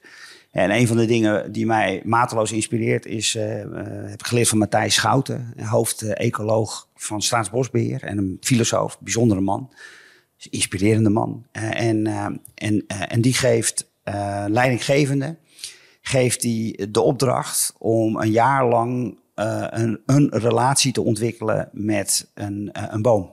En die mogen ze zelf kiezen, welke boom. maar hij vraagt ze, hij draagt ze op om in een jaar op eigen merites, op eigen wijze een relatie te ontwikkelen met die boom. En wat heel bijzonder is, wat hij, wat hij beschrijft, en ik herken dat ook bij mijn studenten, is dat dat begint altijd heel lacherig. Van ja, zou zo'n boom zijn. En, uh, en uiteindelijk wil niemand na een jaar dat die boom nog ooit wordt omgekapt omdat er ergens in dat proces een moment ontstaat dat mensen ontdekken wat een wonderenboom eigenlijk is. Dat dat daar maar gewoon staat en dat dat groeit en, en, en, en, dat dat allerlei functies uh, vervult. En dan gaan mensen opeens zien, ja, dat is geen ding. Dat is, niet, dat is geen gebruiksmateriaal. Dat is geen, dat heeft, dat is, dit is geen instrumentele waarde die er alleen maar is om mij te dienen. Dat ding is, dat is uniek. Dat heeft intrinsieke waarde en dat heeft een autonoom bestaansrecht. En, en dan, dan begint je relatie tot die boom anders te worden in plaats van de manier waarop we dat nu hebben aangeleerd. Dus ik, ik, ik denk dat dat het, het, gedrag is waar we naar terug moeten. We moeten weer ja. verwonderd raken over de onvoorstelbare genialiteit van die planeet waar wij op terecht zijn uh, gekomen en ja. waar wij mogen leven. Het is, het is, als je er iets langer over nadenkt dan een seconde, dan kun je niet anders dan die buigen voor de genialiteit. Ik vind het buitengewoon verklaarbaar dat mensen op een gegeven moment daar God voor hebben uh, bedacht. Van ja, dit, dit is, het is zo'n wonder, daar moet, daar moet in de hoger. En wie weet, misschien, misschien is het ook wel, misschien is God er ook wel. I don't know. Het is in ieder geval een wonder. Ja, ik weet het niet. Komen we weer terug op dat hele mycelium ding. Ik heb wel zitten nadenken. Kijk, uh, veel van die ancestral religions die, die gaan allemaal terug naar een soort uh, ja, aardspirit, hè? Gaia, ja. dat idee. Ah, als dat mycelium nou eens één aangesloten groot netwerk, neurologisch netwerk zou kunnen zijn. Met een soort eigen superbewustzijn. Maar dat ding is zo groot en zo langzaam ten opzichte van ons. Ja. Dat wij het niet herkennen als dusdanig. Ja, dat zou een soort goddelijkheid kunnen zijn of Ja. zo. Ja, Paul ja. Stamets, jouw vast Het is, in ieder geval, het is in ieder geval een wonder. En, Ja. eh, en, eh, ja, en ik, ik heb geen enkele moeite om dat wonder eh, te, te erkennen. En volgens mij is dat ook wat wij van onze, onze inheemse broeders en zusters kunnen leren. Uh, die deden dat ook. Hè? En, en wij hebben vervolgens uh, in uh, de modernistische tijd hebben wij de wetenschap uitgevonden. Waardoor we het wonder proberen te verklaren. Nou, ik denk dat dat een enorme verrijking is van ons leven. Maar we moeten daarna wel weer terug naar het accepteren dat het ook gewoon een wonder is.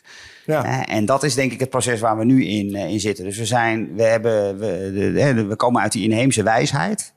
Waarin mensen er, uh, het niet kunnen verklaren maar het wel kunnen omarmen. We, hebben, we zijn nu helemaal doorgeslagen naar een periode waarbij we het allemaal kunnen verklaren. Maar nu moeten we eigenlijk weer terug naar het kunnen verklaren. En dan vervolgens uh, het ook uh, ja, het weten te omarmen. En het diep, diep, diep, diep waarderen voor het wonder wat het is. Ja, en de inzichten die we hebben opgedaan in die periode van disbalans nu ten gunste inzetten. Precies. Ik, ik, denk dat we wel degelijk nog kunnen terugzwaaien de andere kant op. Ja, maar dat is ook wat deze tijd zo bijzonder maakt. Hè? Want mensen zeggen ook wel eens, eh, en dat is dan ook weer is ook een vorm hè, van uh, omgaan met de realiteit. En daar kan ik ook het groot mogelijke respect voor uh, op hebben. Mensen die zeggen van ja, het einde der tijden, dat wordt elke generatie heeft een einde der tijd. Het wordt altijd, wordt er gezegd dat het einde der tijden er, er is. En dat is blijkbaar iets wat wij als mensen nodig hebben om te kunnen functioneren. En, en dan zeg ik altijd, ja, dat is helemaal waar. Hè? Alleen wij zijn wel de eerste generaties waarin we dat, die einde der tijden op wetenschappelijke wijze gevalideerd uh, kunnen zien aankomen. Hè? Dus wellicht is het iets wat, wat wij al duizenden jaren elke generatie hebben. Alleen nu weten we het wetenschappelijk zeker. Nou ja, we weten één ding sowieso. hit de dood van het universum. Dus wat er ook gebeurt, welke technologische escape je ook zoekt. In the end, it's all gonna die. uiteindelijk ja. houdt onze zon op met, of raakt hij ja. door zijn brandstof heen. En dan gaat hij ontzettend hard groeien. En dan uh, hangt, die, hangt het zonneoppervlak ineens hier waar nu onze planeet hangt. Dus over niks, aantal biljoen jaar zijn we sowieso fucked. Ja. Um, en je had het er straks over het uh. En het, uh, er zijn hier era's voor geweest. Um, kun je ook zien in de Volstok ice cores volgens mij periodes van klim, klim, klim van CO2. Gebeurde er iets, dropte alles. Was er een, een ja. ice age, klim, klim, klim, klim. Toen had je een tijdje te veel zuurstof in de atmosfeer. Had je je wespen te ja. grootte van een fucking uh, auto. ja. Is ook gebeurd, snap je? Um, dus die planeet die gaat het wel redden. Het is alleen uh, wat wij mensen gaan meemaken wat ons zorgen baart. En terecht, ja. Ja. ja. Ja. Nou ja, kijk, en, en, en, en kijk, en daar, ik, ik, ik maak daar ook uh, uh, geen geheim van. Sterker nog, ik maak daar een, uh, een kracht van. omdat, ik de, omdat ik merk dat ik mensen daarmee kan bereiken. Hè, dat, het, het, het, het is niet langer iets abstract. Hè? Als je zegt van ja, drie, vier generaties na ons gaan ze hier last van krijgen. Dat is iets anders als mijn eigen mannetje van acht jaar zien en weten dat er met een aan zekerheid grenzende waarschijnlijkheid hij een buitengewoon turbulent uh, leven gaat, uh, gaat krijgen. Dat is, dat is iets waar we gebruik van, uh, van moeten maken dat het zo dichtbij komt. Hè. Dat, dat creëert een soort van urgentie die heel herkenbaar is voor mensen om gewoon te gaan vechten voor, ja. voor, de, voor, voor die generatie en die generaties die daarna komen. Want die hebben net zoveel rechten als wij die hebben. Ik ben blij dat je dat zegt, man. En ik ben blij dat jij het ook echt hebt. Ik heb dit gesprek was, ik heb dit gesprek met een aantal mensen gehad. Ik heb zelf kinderen, mm. maar wel met vrienden van mij die kinderen hebben. En dan vraag ik ze: maak jij geen zorgen dan over die kiddo's? Oh, nu. Uh, weet je wel, uh, ja, ik sowieso. Ik heb 50 jaar bijna gehad, weet je wel. Dus uh, als het komt, dan komt het. En die dan? Ja, daar heb ik geen last van. Dat is je kind gek, weet je wel. Um, dus de, sommige mensen de, creëert dat dan helaas weer niet het gevoel van urgentie uh, nee, maar ik. Maar ik betreffen. Nou, ik, ik, ik, ik denk dat we dit onder de noemer uh, zelfverdedigings, uh, zelfbehoud moeten plaatsen. Het is, het, is, het is, als er iets universeel is voor ouders, is het idee dat je je kinderen ziet lijden, is onverdraaglijk. Ja, precies. Dus dan ga, je in, dan ga je in zelfverdedigingsmechanismes om dat allemaal weg te houden. En dan zeggen mensen soms de gekste dingen. Uh, omdat het toelaten van die, van die pijn is, uh, ja, dat is ondraaglijk. Kijk, ik bedoel, ik geef, ja. ik geef ruiterlijk toe uh, dat ik zeer regelmatig, ook in gesprekken zoals dit, gewoon volschiet en, en, en, moet, en moet janken. het emotioneert me nu weer als ik erover over praat. omdat ik en de data de afgelopen jaren goed heb bestudeerd voor mijn, voor mijn werk en mijn, en mijn boeken en vader ben. En ik zie dat die twee op een ramkoers liggen. Uh, en het, ja, volgens mij toont het alleen maar menselijkheid en normaliteit op het moment dat je die emoties eh, hebt en daar ook voor uit durft te, komen. Omdat ik denk dat dat heelt. Dat houdt de boel bij elkaar. Weet je, woede houdt de boel niet bij elkaar. Eh, verdriet en rouw en zorgen eh, en zelfs wanhoop is een verbindende, eh, verbindende emotie waarmee we verder eh, komen. En, en het op elkaar botvieren en afreageren. Man, dat is, dat is een rampscenario. Ja, en veroorzaakt nieuwe problemen. En eh, kijk, als je het hebt verwerkt, is er daarna ook bandbreedte in je, in, je, in je hoofd weer en in je geest om vooruit te kijken. Ja, precies. Iemand die ooit iemand is kwijtgeraakt, weet dit. Als iemand overlijdt, dan is het, is het een aantal weken staat alles op zijn kop. Maar dan op een gegeven moment komt er een moment, dan heb je het verwerkt. Ja. Dan denk je, oké, er is weer ruimte nu. Ja. En, en, en vanuit, maar daar kom je ook een soort van sterker uit of zo. Snap je? Niemand zit te wachten op een overlijden, maar daarna heb je het wel gehad. Je bent er doorgekomen Ja. en nu kun je ook weer vooruitkijken. Ehm, en ik denk dat dat vooruitkijken, eh, want ik herken de emotionering. Eh, want ik kan ook naar de wereld kijken en denk, het zou toch zonde zijn als dit allemaal, allemaal zou verdwijnen. Niet normaal toch? Dan moeten we toch voor knokken. Ja, ik, ik, ik ben echt een techno-optimist. Ik geloof dat wij als mensen, eh, zonder al te theatraal te willen doen, maar ik denk dat wij bestemd zijn voor iets, iets meers. Dus ik denk dat wij naar de sterren kunnen. Ik denk dat we zo slim zijn dat we dat allemaal kunnen doen. Mm. Maar dan moeten we iets door, wat ze in de Fermi-paradox, eh, dat is de vraag waarom zien we geen buitenaards leven? En een van de antwoorden op is grote filters, een great filter. Eh, kernenergie is een filter. Die kan je elkaar helemaal mee naar de klote helpen. Je planeet duurzaam inrichten is een volgende great filter. En ik denk dat als we deze navigeren, oh, dan konden we nog eens naar een grotere speeltuin mogen straks. Maar dan moeten we deze moeten we nu even doen. Dus dan moeten we even inward op Ja. focussen, snap je? Ja. Ehm, maar ik denk echt dat we dat, eh, dat, we dat kunnen. En ehm, worst case scenario voor jou, een kleine man, is leven in een tentenkamp. Want we mogen nooit vergeten waarom we in Nederland Nederland heten, snap je? Dus stel het gaat... Ja, stel, bedoel eh, maar. blub, blub. Ja, we zitten hier in een polder. Eh, dat, is, dat is zorgwekkend, op zijn minst. Om er maar één te noemen, ja. Ja, dus En eh, Nederland piept en kraakt nu al onder de toestroom van, van vluchtelingen. En mind you, dat de scenario's met eh, 2,5, 3, 4 graden opwarming... betekent dat er een paar miljard mensen van huis en haard verdreven zullen worden. En die, zullen, die komen hier naartoe. hier naartoe. We zullen ook een stukje naar het bovenop schuiven. En eh, daar kunnen we allerlei fantastische eh, oplossingen voor verzinnen. Maar het wordt turbulent. Zo. Zeker. Ja, maar ik moet eh, ook altijd denken aan een... ehm ken je het YouTube-kanaal Kortske Zaak? nee. Het zijn basically filmpjes geanimeerd. Dus eh, met leuke, schattige vogeltjes doen ze dat. Maar daar leggen ze hele moeilijke dingen in uit. En eh, een van hun laatste video's gaat over klimaatverandering. En de titel is You are not doomed. We are not doomed. Hm. Met andere woorden, zelfs eh, hun schatting is.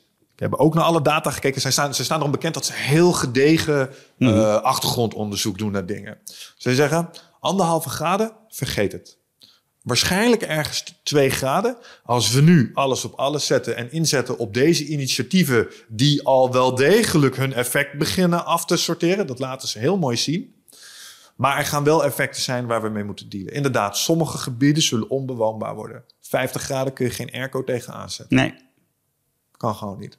Maar we kunnen wel oplossingen verzinnen. Eh, woonboten, ik noem maar iets. Ja. Eh, st- eh, drijvende steden. Ja, zeker, zeker. Dus, dus er zijn wel degelijk dingen eh, die dit probleem kunnen fixen. Maar het zal inderdaad ongemakkelijk worden. Nee, maar kijk, daar vind ik al, daar zit al een, eh, een realiteitszin in die constructief is. Hè? Dus dat, want er is een groot deel van de mensen die nog steeds denkt dat het een tijdelijk ongemak is, waarbij wij een soort race aan het voeren zijn tegen die anderhalve graad of twee eh, graden. En dat als we dat dan redden, dat er dan een soort van miraculeuze toestand ontstaat dat het allemaal wel weggaat. En dat is gewoon niet waar. We, we, we koersen af op een nieuw normaal. En dat nieuwe normaal is, hoe je het ook went of keert, extreem eh ontwrichtend. Ik ben het helemaal met je eens dat, dat, niet, dat ontwrichting niet per definitie meteen hetzelfde eh, betekent als uitsterven. Eh, hè, en, dat is, en, dat is, en dat is een, en dat is een, een,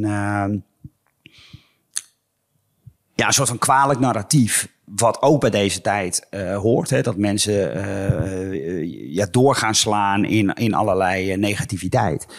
Uh, dus ik denk dat het heel realistisch is om met mensen te gaan praten van wat betekent 2,5 graad, wat betekent 3,5 graad, wat betekent 4,5 graad. Want hoe je het ook went of keert, als die situatie zich voordoet, zullen we om moeten gaan met de gevolgen die daar zijn. En die zijn bij 4,5 graad wel wezenlijk anders dan bij 2,5 uh, graad. Maar hoe je het ook went of keert, het is niet meer zo dat 2,5 graad geen effecten heeft. Nee. Dat het laatste Oh, IPCC-rapport is daar heel helder over. Nee, nee, Eh, natuurlijk gaat dat dingen doen. En eh, je moet je zorgen maken over dingen als voedselveiligheid. Ehm, en toch geloof ik oprecht dat mijn neefjes, Jan Kleine Man, ehm, geen boterham minder hoeven te eten als jij en ik nu eh, onze act straight krijgen. Dus als Ja. wij het nu snappen en eh, er, gaan, er gaan nog meer mensen gaan hier gewoon voor staan, dan, dan kunnen we dat cheffen. En, en dan kom ik toch bij ontwikkelingen die mij dan weer hoop geven. Ehm, kijk, even los van wat je vindt van eh, GMO's en dat soort dingen. Ik las het vanochtend. Wij kunnen nu plantjes groeien zonder licht. mhm. Dus we kunnen, we kunnen voedselplanten laten groeien zonder licht. Wat betekent dat? Dat betekent dat je ondergronds voedsel kunt maken. Dat betekent dat je in de ruimte voedsel kunt maken. Dat betekent dat we ruimteboerderijen kunnen starten. Met andere woorden, we, uh, als je die technologie doortrekt en je zet een paar gasten zes maanden ergens bezig waarvan we weten dit loopt voorlopig niet onder water, Mhm. dan kan je daar, snap je? Voedsel produceren. Ja. Bij wijze van Ja. spreken. Dat zijn initiatieven die ik ken. Wat zijn vanuit de essays, hè, even terug naar je boek Thrive, 24 essays. Ja. Allemaal oplossingen, basically. Ja. Ehm, welke daarvan vind jij het meest hoopgevend? Ehm, nou, er zijn er twee die wat mij betreft heel erg met elkaar eh, te maken hebben. En dat is degrowth. En dus ontgroeien, krimp. Gekoppeld aan eh, het principe van de boeddhistische economie, wat draait om sufficiency. Hè, dus eh, genoeg.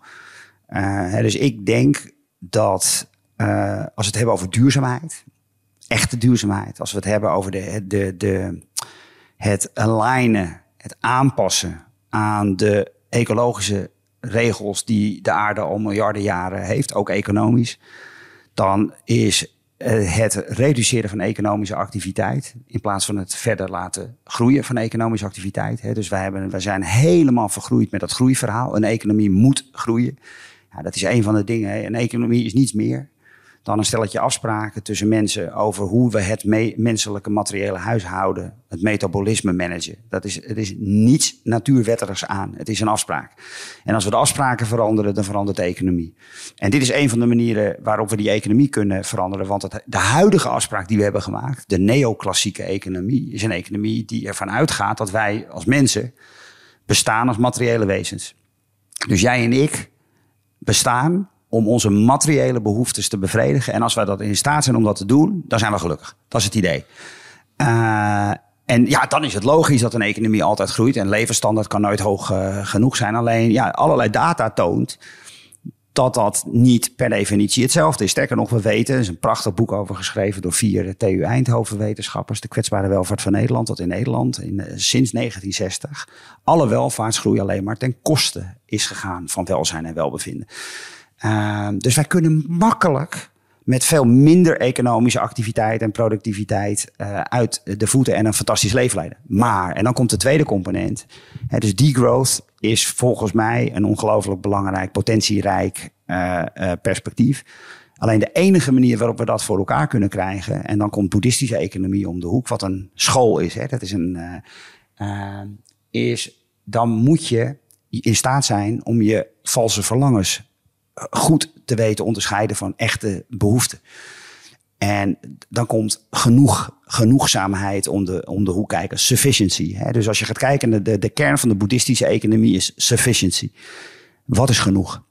Wanneer zijn jouw echte behoeftes nu bevredigd en wat zijn valse verlangens? En als je dan met die blik gaat kijken naar onze huidige samenleving, dan zie je dat een over, over, over, overgroot deel van de zogenaamde behoeftes die wij nastreven met elkaar eigenlijk valse verlangens zijn die door de marketingindustrie worden aangewakkerd. Ja, zoals het vliegen waar we het bijvoorbeeld over om, maar, om er maar één te, te noemen. Maar eigenlijk is bijna alles wat wij hebben, wordt in schaarste gegooid. En in wordt in bezit uh, gegoten en wordt daarom iets wat wij nastreven. En dan wordt er op een hele slimme wijze wordt er door marketing, uh, uh, worden er grote uh, menselijke behoeftes aangekoppeld. Hè? Met dit product krijg je liefde, met dit product krijg je aanzien, met dit product ben je geslaagd. en dat is zo onderhuis gegaan dat wij eigenlijk helemaal niet meer in kunnen zien dat, dat je heel veel van die producten helemaal niet nodig hebt om de effecten te bewerkstelligen die ervoor nodig zijn. Ik noem maar even een voorbeeld: kleding. Hè? Kleding is dragen wij om onze huid te beschermen, om ons te verwarmen. En er is een hele industrie uit ontstaan met merken die veel en veel meer vertellen dan dat waar kleding eigenlijk voor bedoeld is. En dan wil ik, dan wil, en dan wil ik zeg maar, uh, wil ik zeg maar het, belang van, van merken en de behoeftes die merken op sociaal uh, en, en psychologisch en psychografisch uh, gebied allemaal weten te bewerkstelligen, wil ik niet bagatelliseren hoor. Uh, alleen ik denk wel dat deze tijd ons, ons leert dat we een heleboel economische activiteit die we najagen vernietigend is uh, en ontwrichtend uh, is en gebaseerd is op ja, irreële behoeftes. En, en de enige manier waarop we dat kunnen veranderen is, ons, is, is om zelf, binnen onszelf, het onderscheid te erkennen en te ontdekken. En daar ook naar te gaan leven. Dus dit, dit kunnen we niet vragen van een overheid. Een overheid kan niet zeggen: dit mag je wel en dit mag je niet uh, consumeren. Wij moeten bepaalde dingen niet meer willen consumeren. En dat komt uit onszelf. Ja, ja denk, en, en, daar, en daar, dus die twee zijn voor mij heel erg met elkaar verbonden. Ik vind, het, ik, vind, ik vind een van de meest tragische dingen, en het gebeurt mij wekelijks, dat mensen mij gaan uitleggen, als ik het dan over betekeniseconomie heb, dat dat een ontzettend mooi, utopisch uh, fantasiebeeld is. Waar ze eigenlijk, hè, daar hebben ze heel veel mee te zeggen. Oh ja, dat zou mooi zijn. Maar ja, Kees, wij mensen, wij zijn toch, uh, wij willen toch altijd meer. En en wij, wij streven toch alleen maar materiële behoeftebevrediging naar. We willen allemaal meer geld verdienen en geld maakt gelukkig. En dan hoor ik eigenlijk een hele riedel van geïnternaliseerd, ja, super normatief, ja, ideologie. Ja, ik heb bij, bij gebek aan een beter woord. Hè. Ja. Dit is allemaal gevormd. Dat is de, we zijn de vlees geworden homo economicus of de homo consumpticus, consumpticus, als je het zo wil noemen. Maar dat zijn we niet. Dat is aangeleerd. Ja, maar daar zit tegelijkertijd ook wel weer de kans. Dat is waar we het er straks over hadden. Want we zijn ook homo narratus, de vertellende mens. Zeker. En we moeten onszelf nu het verhaal gaan vertellen dat dat een dwaling was van ons. We zijn de schaduw ingewandeld. Yes. Maar geen mens is zo ver de schaduw ingegaan dat hij niet meer terug naar het licht kan komen. Dus ja. we hebben nu een redemption arc voor de boeg. Mooi man. Ja, ik geloof daarin. Dat denk ik echt. Ja, ja. nou ja, kijk, ik zeg, ik, ik heb in mijn uh, betekeniseconomieboek heb ik heel nadrukkelijk een onderscheid gemaakt. Er zijn drie lagen waarop we de werkelijkheid kunnen uh, waarnemen en gestalte geven. Dat kun je doen op de symptoomlaag. En, uh, en op die symptoomlaag zie je allerlei zaken als nou ja, klimaatverandering, biodiversiteitsverlies. Dat zijn allemaal symptomen. En onder een symptoomlaag ligt altijd een systeemlaag. Hè? Dus klimaatverandering komt voort uit een economisch systeem wat zegt dat we op een bepaalde manier onszelf moeten gedragen. En je hoort nu heel veel mensen roepen om systeemverandering. Uh, en de, eigenlijk de enige manier om systeemverandering te bewerkstelligen is dat je nog een laag dieper gaat. En dan kom je op de laag van stories, verhalen. Uh, want het, elk systeem is gebaseerd op een ontologie. Op een verhaal wat het systeem zin geeft. Ja. En waar we nu eigenlijk vastlopen, is dat alle effort die wij doen, kijk nu naar wat er aan de, met de boeren gebeurt, is symptoombestrijding. Maar we veranderen het systeem niet en we veranderen al helemaal niet het verhaal wat eronder zit. En het verhaal wat eronder zit, is wat Charles Eisenstein zo mooi de story of isolation uh, noemt. Hè? Dat wij allemaal uh, losstaande individuen zijn die voor ons eigen belang uh, moeten, moeten zorgen dat niemand anders dat doet. Terwijl de werkelijkheid is, dus hij noemt dat de story of separation is dat het werkelijke verhaal is de story of interbeing. Alles op aarde is één systeem. Als je uitzoomt van de aarde hè, in outer space en je kijkt naar de aarde, dan verdwijnt de economie. Maar ecologie blijft bestaan.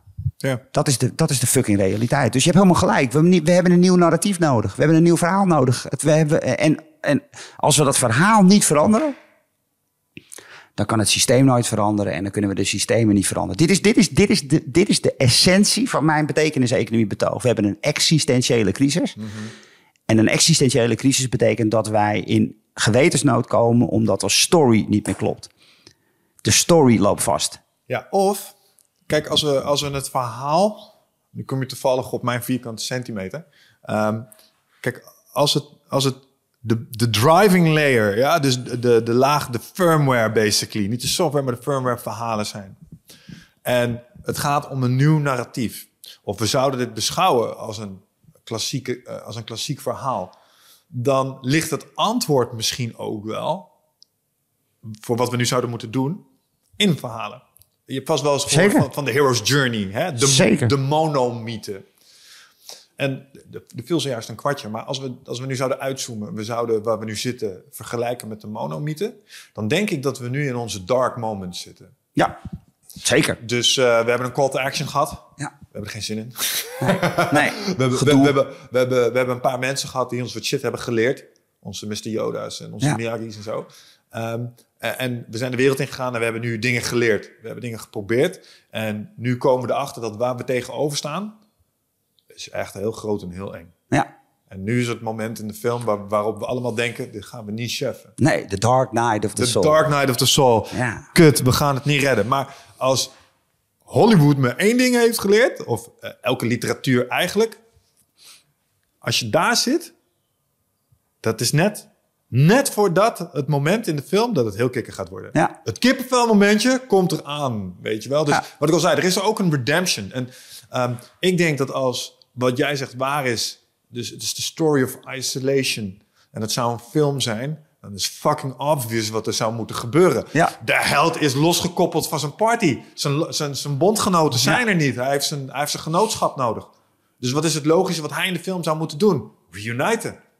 En van daaruit samen... Dus, dus daar ligt de oplossing. Want dat is wat, de, wat alle verhalen ever soort van dicteren. Wat je Nou zou moeten doen nu. Kijk, en, ja, en het mooie is, hè, dat, want we kunnen heel veel leren van onze inheemse broeders en, eh, en zusters. Want dit is bijvoorbeeld iets wat je in, eigenlijk in elke eh, indigenous tribe eh, ziet. Hè? Dus eh, een, een rivier, of een berg, of een bos, dat is geen ding, dat is familieman.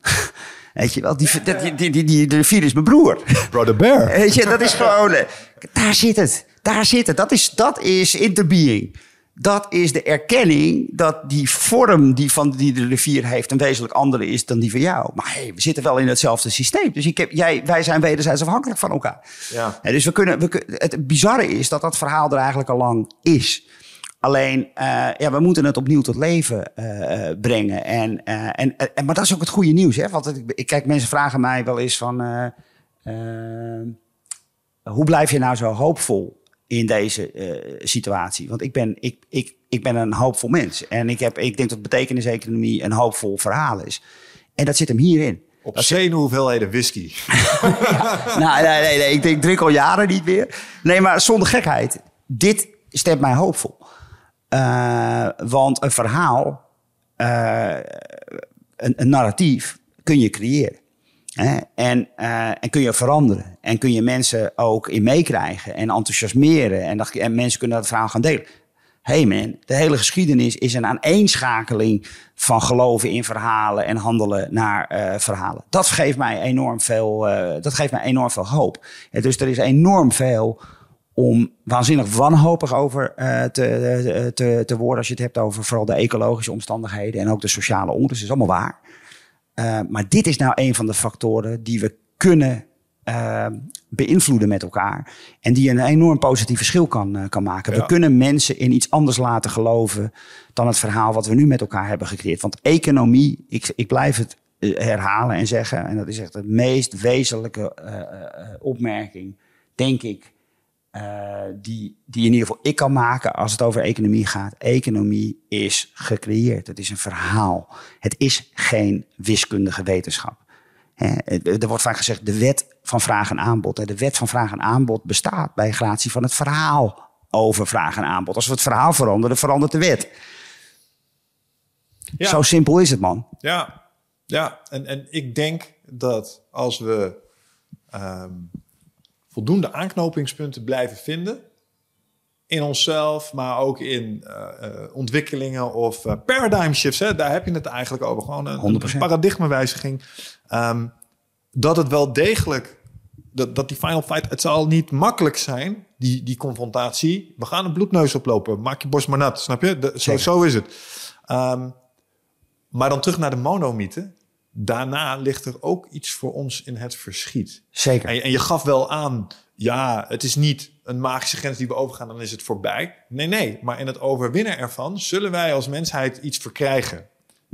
Nou ja, iets kijk, wat, eh, een stuk wijsheid en Ja. een stuk inzicht en een stuk manier van zijn die we nodig gaan hebben voor wat hierna komt. Ja. Nou ja, kijk je, kijk, je refereerde net aan het Thrive-boek. Hè? En, eh, en ik noemde daar twee aspecten in die mij eh, het meest aanspreken. Maar er is, er is een ander essay. En eh, dat is het essay van Joe Brewer. Only the bioregional will survive. En toen ik dat voor de eerste keer kreeg... dat was echt dat is een enorm zwartgallig verhaal in eerste instantie. Hè? Dus Joe begint met de constatering... dat de collapse niet langer afwendbaar is... omdat die al gaande is... Uh, en hij voorspelt een gitzwart uh, verhaal over de gevolgen van uh, de collapse die wij aan het, aan het doormaken zijn. Dus ik weet nog heel goed dat Joe zijn essay opstuurde. En toen ik dacht van ja, fuck man, ik kan dit, dit kan ik gewoon, dit kan ik niet, dit kan ik niet opnemen in een essay. Dit is te heavy. Dit is gewoon. Uh, en, en, en, dat gebeurde me tijdens het lezen. Hè. Dus je, ik, je maakt me heel nieuwsgierig. Illustreer de zwartgalligheid even. Nou ja, de zwartgalligheid is, uh, is, dat, uh, is, dat, is dat Joe ja, op, op een zeer gedetailleerde manier beschrijft dat door de ecologische uh, degeneratie stukken van de wereld onleefbaar gaan uh, worden. We enorme problemen gaan krijgen in, uh, in voedselproductie. En dat dat nou juist klimaatverandering en voedselproductie in de geschiedenis de twee basisvoorwaarden zijn voor collapse. en dat een collapse dus onafwendbaar is en ten koste zal gaan van miljarden levens. Hè? En, en dan draait zijn essay op het laatst en dan zegt hij, en dat is allemaal verschrikkelijk, maar daar zit ook meteen het goede nieuws. Want het zal ons gaan leiden naar een nieuw leven. Uh, waarin we weer van elkaar afhankelijk zullen zijn om in ons uh, individuele bestaan te kunnen bestaan. Uh, dus hij, hij doet een appel voor, voor wat Jan Rotmans dan samenredzaamheid noemt. En hij voorspelt dan bioregional, hè, dus dat we weer teruggaan naar de plek waar je woont, place-based, indigenous. Daar gaat het levensonderhoud vandaan komen. We krijgen weer gemeenschappen waarin het uitwisselen en het uh, uh, op basis van echte behoeften centrale komt, komt, komt te staan. En hij voorspelt dat dat leidt tot een veel grotere cohesie. En dan kom je uit bij de story of interbeing. Dus wat hij doet, is hij schetst een knetterhard scenario. En hij geeft het op het laatst toch nog een, uh, een, ja, je zou kunnen zeggen, tussen aanhalingstekens positieve draai mee, door daar een perspectief aan te bieden. En ik, ik heb dus uiteindelijk met Sinta besproken, hè, want ik heb het boek samen met Sinta uh, Oosterwaal uh, samengesteld. Van ja, we gaan het, we gaan het essay daarmee, daarom toch plaatsen. Want uh, ook wij moeten ons ongemak uh, durven aan te gaan met dat, ja. met dat essay. En ik weet niet of Joe gelijk heeft, hè? begrijp me niet verkeerd. Ik, ben geen, uh, ik, kan niet, ik heb geen kristallen bol. Nee. Uh, alleen, ik vind, dat, ik vind dit wel dus refereren aan wat jij volgens mij net probeert te zeggen... van we krijgen er ook iets voor terug. En, en die bloedneus, die, die beschrijft hij in, in de vorm van het verlies van een paar miljard mensen. Mhm. Mm -hmm. wat ik nogal wat vind. Uh, dat, vind ik, dat, dat laat, dat maakt diepe indruk op mij. En dat creëert, uh, uh, ik voel mij, daar voel ik echt een heel zwaar gemoed bij, grote pijn. En tegelijkertijd zie ik ook wat hij zegt van ja, maar daardoor zullen wij existentieel onszelf opnieuw uitvinden en, en nader bij elkaar komen. Omdat ja. om de doodvoudige reden dat we elkaar weer nodig hebben. Dat die wereldhandel die gaat instorten met spullen die over de hele wereld worden gesleept ja. om de markt te, te bedienen. Hier heb ik een leuke gewetensvraag voor je.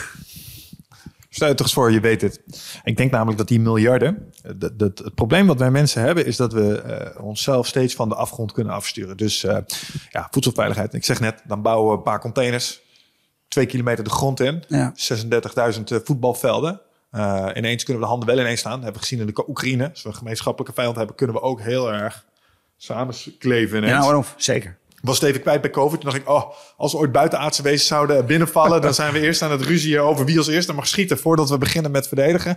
Toen kwam de Oekraïne, dacht ik, nou, als we willen kunnen we het toch nog wel. Zie je ineens weer de kracht van het verhaal. Ook van propaganda, by the way. Zo naïef ben ik nou ook weer niet. Maar um, waar hadden we het over? Ik ben, ben even mijn draad kwijt. Zei je iets over? Uh, je, had, je had een gewetensvraag voor me. Oh ja, de gewetensvraag was... Um, stel je voor, je krijgt nu de keuze.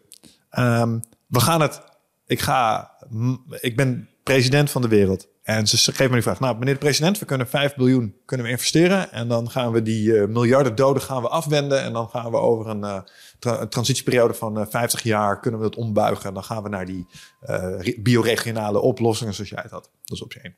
Maar we zouden het ook gewoon kunnen laten gaan. En wat we dan doen is, dan hebben we een shake-out. Mm Dan krijg je heel veel doden. Maar komen we wel een stuk dichter bij iets waarvan ik niet weet of je het kent. Maar dat heet de Georgia Guidestones. Mm. En de Georgia Guidestones zijn een paar stenen in Amerika. Er staan instructies op voor een, uh, een goede wereld. Mm. Niemand weet wie ze er neer heeft gezet. Maar het is duidelijk er neergezet voor een post-apocalyptische wereld. En de instructies, een van de instructies is: hou de wereldbevolking onder 25 miljoen. Want dat is de enige bevolkingsgrootte die je een beetje sustainable zou kunnen onderhouden op deze aankluit. Als je het hebt over planetary limits. Optie A. Red, red, red zeg maar 4 biljoen mensen met geld en doe transitieperiode, maar nog wel periode van schade voor tenminste 100 jaar. Of laat maar klappen. Hou er ongeveer een biljoen over. Herbouw daarmee. Nou, voor mij is dat, is, dat, is, dat, is dat geen keuze. Ik hou veel te veel van mensen. Dus ik, dan kies ik voor A. Uh, uh, want dat zou pretenderen dat ik lijden kan voorkomen. En uh, Um, dus ik zou, dat, uh, ik, ik zou daarvoor uh, voor gaan. Overigens om die bevolkingsgroei te nuanceren, want dat is dan ook belangrijk. Uh, ja, want er wordt door, er wordt door mensen terecht geconstateerd dat, dat onze bevolkingsaanwas een probleem is. We zijn gewoon met te veel mensen op deze aarde. En ik denk dat, ik denk dat we dat. Ik, ja, er is een steeds grotere consensus over dat dat inderdaad aan de hand is en dat dat een groot probleem is. Maar, er is een hele belangrijke maar. Hè. Er is heel veel onderzoek waar ook, waaruit ook blijkt dat de landen waar de bevolkingsaanwas het grootste is, dat zijn de landen waar de voetafdruk, ecologische voetafdruk, het kleinst is. En de landen waar de bevolking krimpt, zijn de landen waar uh, de, uh, de uh, ecologische footprint het hoogst is. Even heel simpel gezegd, wij zijn het probleem. Dus wij wijzen als het over bevolkingsgroei gaat vaak naar plekken in, in Afrika en in Azië waar de bevolking enorm hard groeit. En uit onderzoek blijkt dat onze overvloed een veel belangrijker probleem is dan overbevolking. Oké, sure. Maar wacht even. Uh, dus wat je zegt is, oké, we hebben landen waar de bevolkingsdichtheid hoger is. Laten we zeggen China. Ja. Dus de ecologische voetafdruk 10. Ja. We hebben landen waar uh, de bevolkingsdichtheid lager is. Dus de ecologische voetafdruk per unit, laten we zeggen 50. Ja. ja. Mm, dat snap ik. Ja. Maar maak je dan niet de denkfout, dat is leuk, maar als ik 17 miljoen heb, die keer 17 miljoen keer 50, of 2,4 biljard keer 10, dat is nog steeds meer. Nee, snap tuurlijk, je? Tuurlijk. Dus dit, kijk, begrijp me niet verkeerd. Bevolkingsgroei is een probleem. Hè? En, maar wat een veel groter probleem is, is dat we een bevolking uh, hebben die groeit met een aspiratie om ons eerste wereldleven ja, ja, uh, te kopiëren. Hè? Dus als, wij, als, we, als de wereldbevolking zou groeien en uh, we zouden een, uh, een levensstijl hebben die binnen de grenzen van de planeet zouden blijven, dat zou helemaal geen probleem zijn. Het probleem is, mm. is dat als we het hebben over landen als India en, en, en China en, en, Nigeria en nog een aantal van die landen die enorm snel groeien, ja, dat is dat ze allemaal willen wat wij in de eerste wereld hebben. Namelijk een welvaartssamenleving met een materiële bevrediging met spullen met een economie die tegen de klippen opgroeit. En daar gaat het fout. dus het is niet alleen maar een kwestie van uh, uh, we moeten dingen bedenken om de bevolking uh, te, bevolkingsgroei te reduceren. Nee, we moeten vooral ook nadenken over hoe we de hebzucht moeten gaan beteugelen. Ja, hoe doen we dat? Nou ja, door te erkennen dat er een verschil is tussen welvaart en welzijn en welbevinden. Dat is de crux van mijn hele betekenis-economie betoog. Er zijn drie domeinen, drie domeinen waarin iedere samenleving waarde kan creëren. We kunnen materiële of zakelijke waarde creëren, dat noemen we welvaart. We kunnen maatschappelijke waarde creëren, dat noemen we welzijn. En maatschappelijke waarde definieer je als objectiveerbare en collectieve parameters die iets vertellen over de kwaliteit van onze leefomgeving. En we hebben welbevinden. En welbevinden is onze persoonlijke waarde. Dat is, onze, dat is de subjectieve ervaring van onze levensomstandigheden. Dus als ik het even plat uh, sla, jij en ik wonen alle twee in Wijk aan Zee. En jij woont in een huis van een miljoen en ik in een half miljoen. Dat betekent dat er tussen ons een verschil is in welvaart. Dus jij, hebt een, jij staat er qua welvaart beter voor dan ik. Wij wonen alle twee, alleen alle twee in Wijk aan Zee onder de rook van Tata Steel. Dus ons welzijn is hetzelfde. Want we hebben namelijk evenveel last van de uitstoot van die fabriek. Alleen jij gaat eraan onderdoor. Uh, en ik ga relatief blijmoedig door het, uh, door het leven. En daarom is ook ons welbevinden kan totaal verschillend zijn. Uh, nou, het probleem is nu, en niet alleen in Nederland, maar zeker ook in Nederland, dat wij alle ballen qua beleid op welvaart zetten. Dus de assumptie is dat als het goed gaat met welvaart, bruto binnenlands product, hè, economie, de economische activiteit en groei, dat het per definitie ook goed gaat met welzijn en welbevinden. En wat leren we nou? Dat welzijn en welbevinden aspecten zijn die we op hun eigen merites moeten beoordelen. Jij hebt hele andere dingen nodig voor jouw welbevinden dan alleen maar materiële welvaart. We weten dat mensen ook sociale behoeftes hebben en emotionele behoeftes en existentiële behoeftes. Tellen niet mee. Die hebben we letterlijk allemaal uit onze samenleving geëxternaliseerd. Want we meten namelijk alleen maar bruto binnenlands product. Jij bestaat alleen maar als portemonnee. Als er iets in die portemonnee gaat of eruit, dan zeggen we: hé, hey, daar, kunnen we, daar kunnen we wat mee. Dat is een enorme amputatie van wat het betekent om mens te zijn. En we moeten ruimte creëren voor het andere. En die ruimte kunnen we alleen maar creëren ten koste van welvaart en die dominantie van die economie. En hetzelfde geldt voor welzijn. Welzijn gaat over andere criteria die bepalend zijn voor de kwaliteit van leven. Bodemgesteldheid, luchtkwaliteit, sociale inclusie. Dat zijn allemaal zaken die super bepalend zijn voor de kwaliteit van de omgeving waarin we wonen en bepalend voor ons eigen welbevinden. Ja, daar, is, wordt steeds meer onderzoek naar gedaan, ook door uh, het Radboud, uh, UMC, Planetary Health, door uh, Wageningen, de WUR, One Health. Het is allemaal verbonden met elkaar. Uh, en de belangrijkste taak die wij te doen hebben, is welvaart in balans brengen met welzijn en welbevinden. En de enige manier waarop we dat kunnen doen, is om welzijn en welbevinden belangrijker te maken. Dit is precies wat landen als Nieuw-Zeeland en Schotland en Wales en IJsland en Finland, dat zijn de vijf landen, de zogenaamde We Go countries, de well-being governments. Dat zijn landen die bruto binnenlands product formeel hebben losgelaten en plaats hebben laten maken voor gross national well-being, bruto binnenlands geluk zou je kunnen zeggen. Uh, en dit is de belangrijkste uh, verschuiving die zij hebben laten plaatsvinden. Welvaart niet meer als enige en alles bepalende parameter, lees bruto binnenlands product, plaats laten maken voor brede welvaart. En ook in Nederland wordt er nu over brede welvaart uh, gepraat. Um, alleen het verschil tussen Nederland en deze andere landen is in Nederland wordt het alleen maar gemeten en gemonitord. En in die andere landen wordt het daadwerkelijk gebruikt als beleidsbeginsel. Ja. En daar zit nogal een verschil tussen. Ja, en wat me steeds, of uh, waar ik aan moest denken toen je dat zei, was dat van ja, is mooi. Um, maar ik vraag me af of het zo zwart-wit is dat meer focus op welzijn ten koste gaat per definitie van welvaart. Want ik kan me ook voorstellen dat ja, er is een shift van uh, politieke aandacht richting uh, welzijn en welbevinden. Maar daarvoor zijn allerlei randvoorwaarden nodig, die ook moeten worden ingevuld. Ja. Um, en dus tegelijkertijd weer allerlei uh, vraag met zich meebrengen. Ik bedoel, als jij naar, naar welzijn en welbevinden gaat, kan ik me voorstellen dat er meer vraag bijvoorbeeld is naar, ook naar, naar zorg. Of Zeker. Eh, men, mentale zorg, fysieke ja. zorg.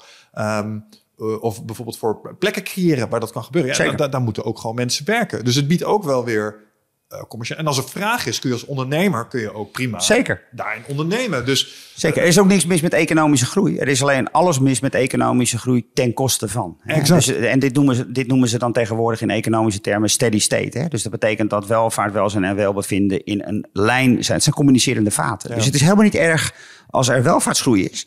Als welzijn en welbevinden maar meegroeien. Ja, dus even heel simpel gezegd. Uh, Tata Steel is goed voor de Nederlandse welvaart maar het is slecht voor het welzijn.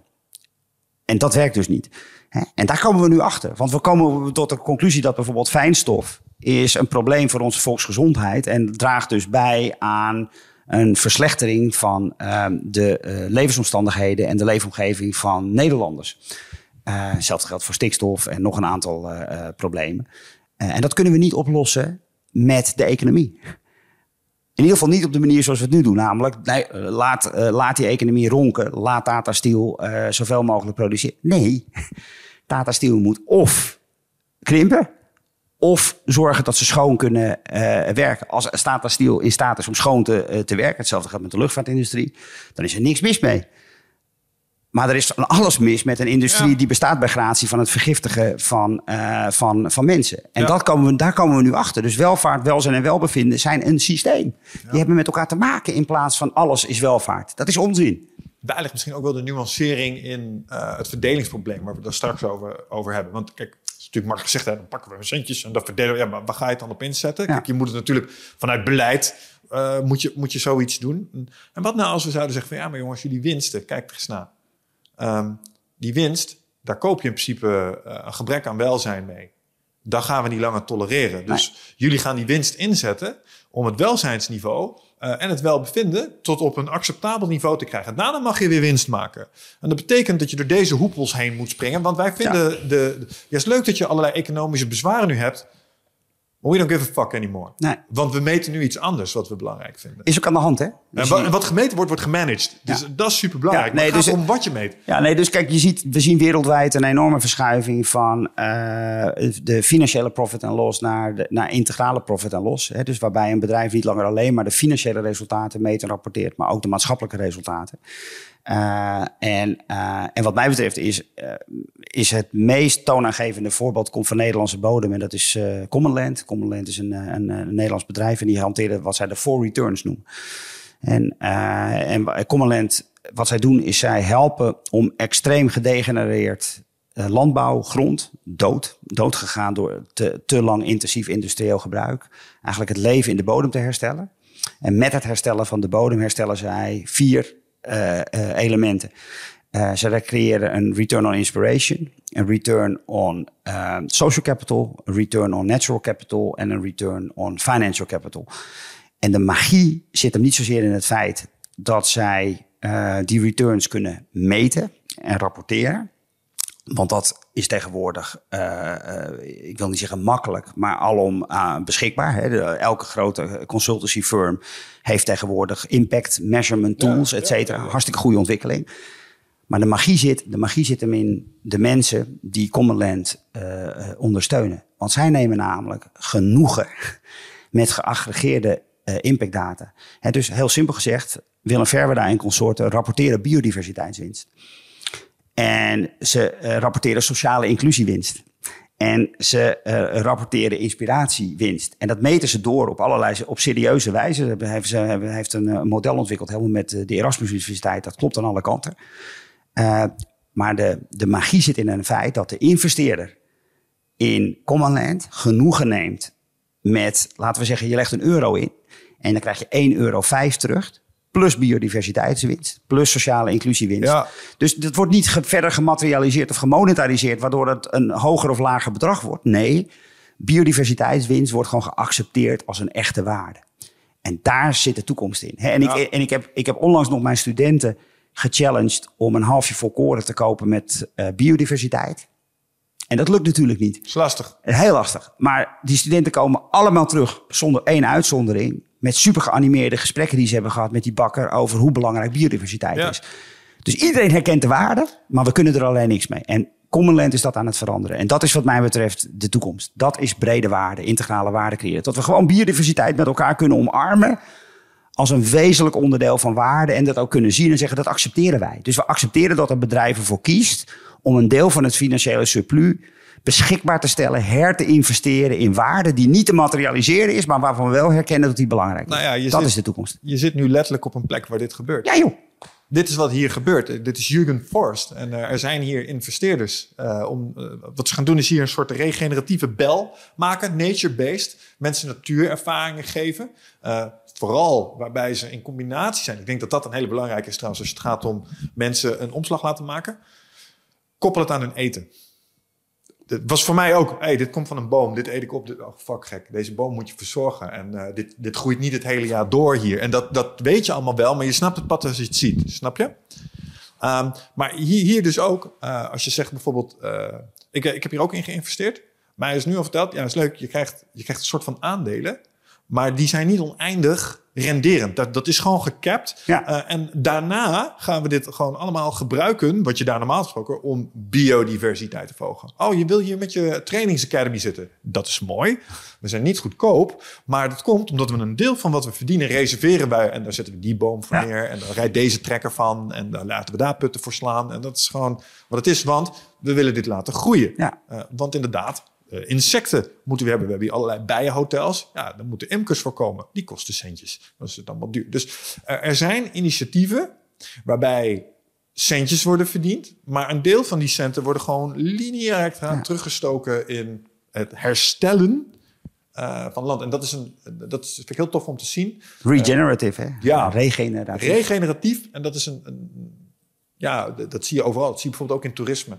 Ja, zeker. Eh, waarbij het, waarbij het kan dus ook, hè? Het is het mooie. Kan Want, gewoon uit dan. kijk, want dat is, kijk, want dat is, als we het nou hebben over een tweede hoopvolle eh, boodschap. Hè? We hebben die hoopvolle boodschap dat je een verhaal kunt creëren. En dus een verhaal kunnen we veranderen. We kunnen een nieuw verhaal eh, vertellen. En dat vormt dan een nieuwe basis en een nieuwe waarheid. Maar het mooie is ook, en dat laat regeneratieve eh, handelen zien, dat, dat we dingen kunnen herstellen. Hè? Dus de dode bodem kunnen wij binnen tien jaar weer tot leven wekken. Eh, en met het herstellen van dat leven in die bodem kunnen wij de, e- en het ecosysteem opnieuw laten floreren. Ja, joh. Dat is, en dat is, ja, dat, ja.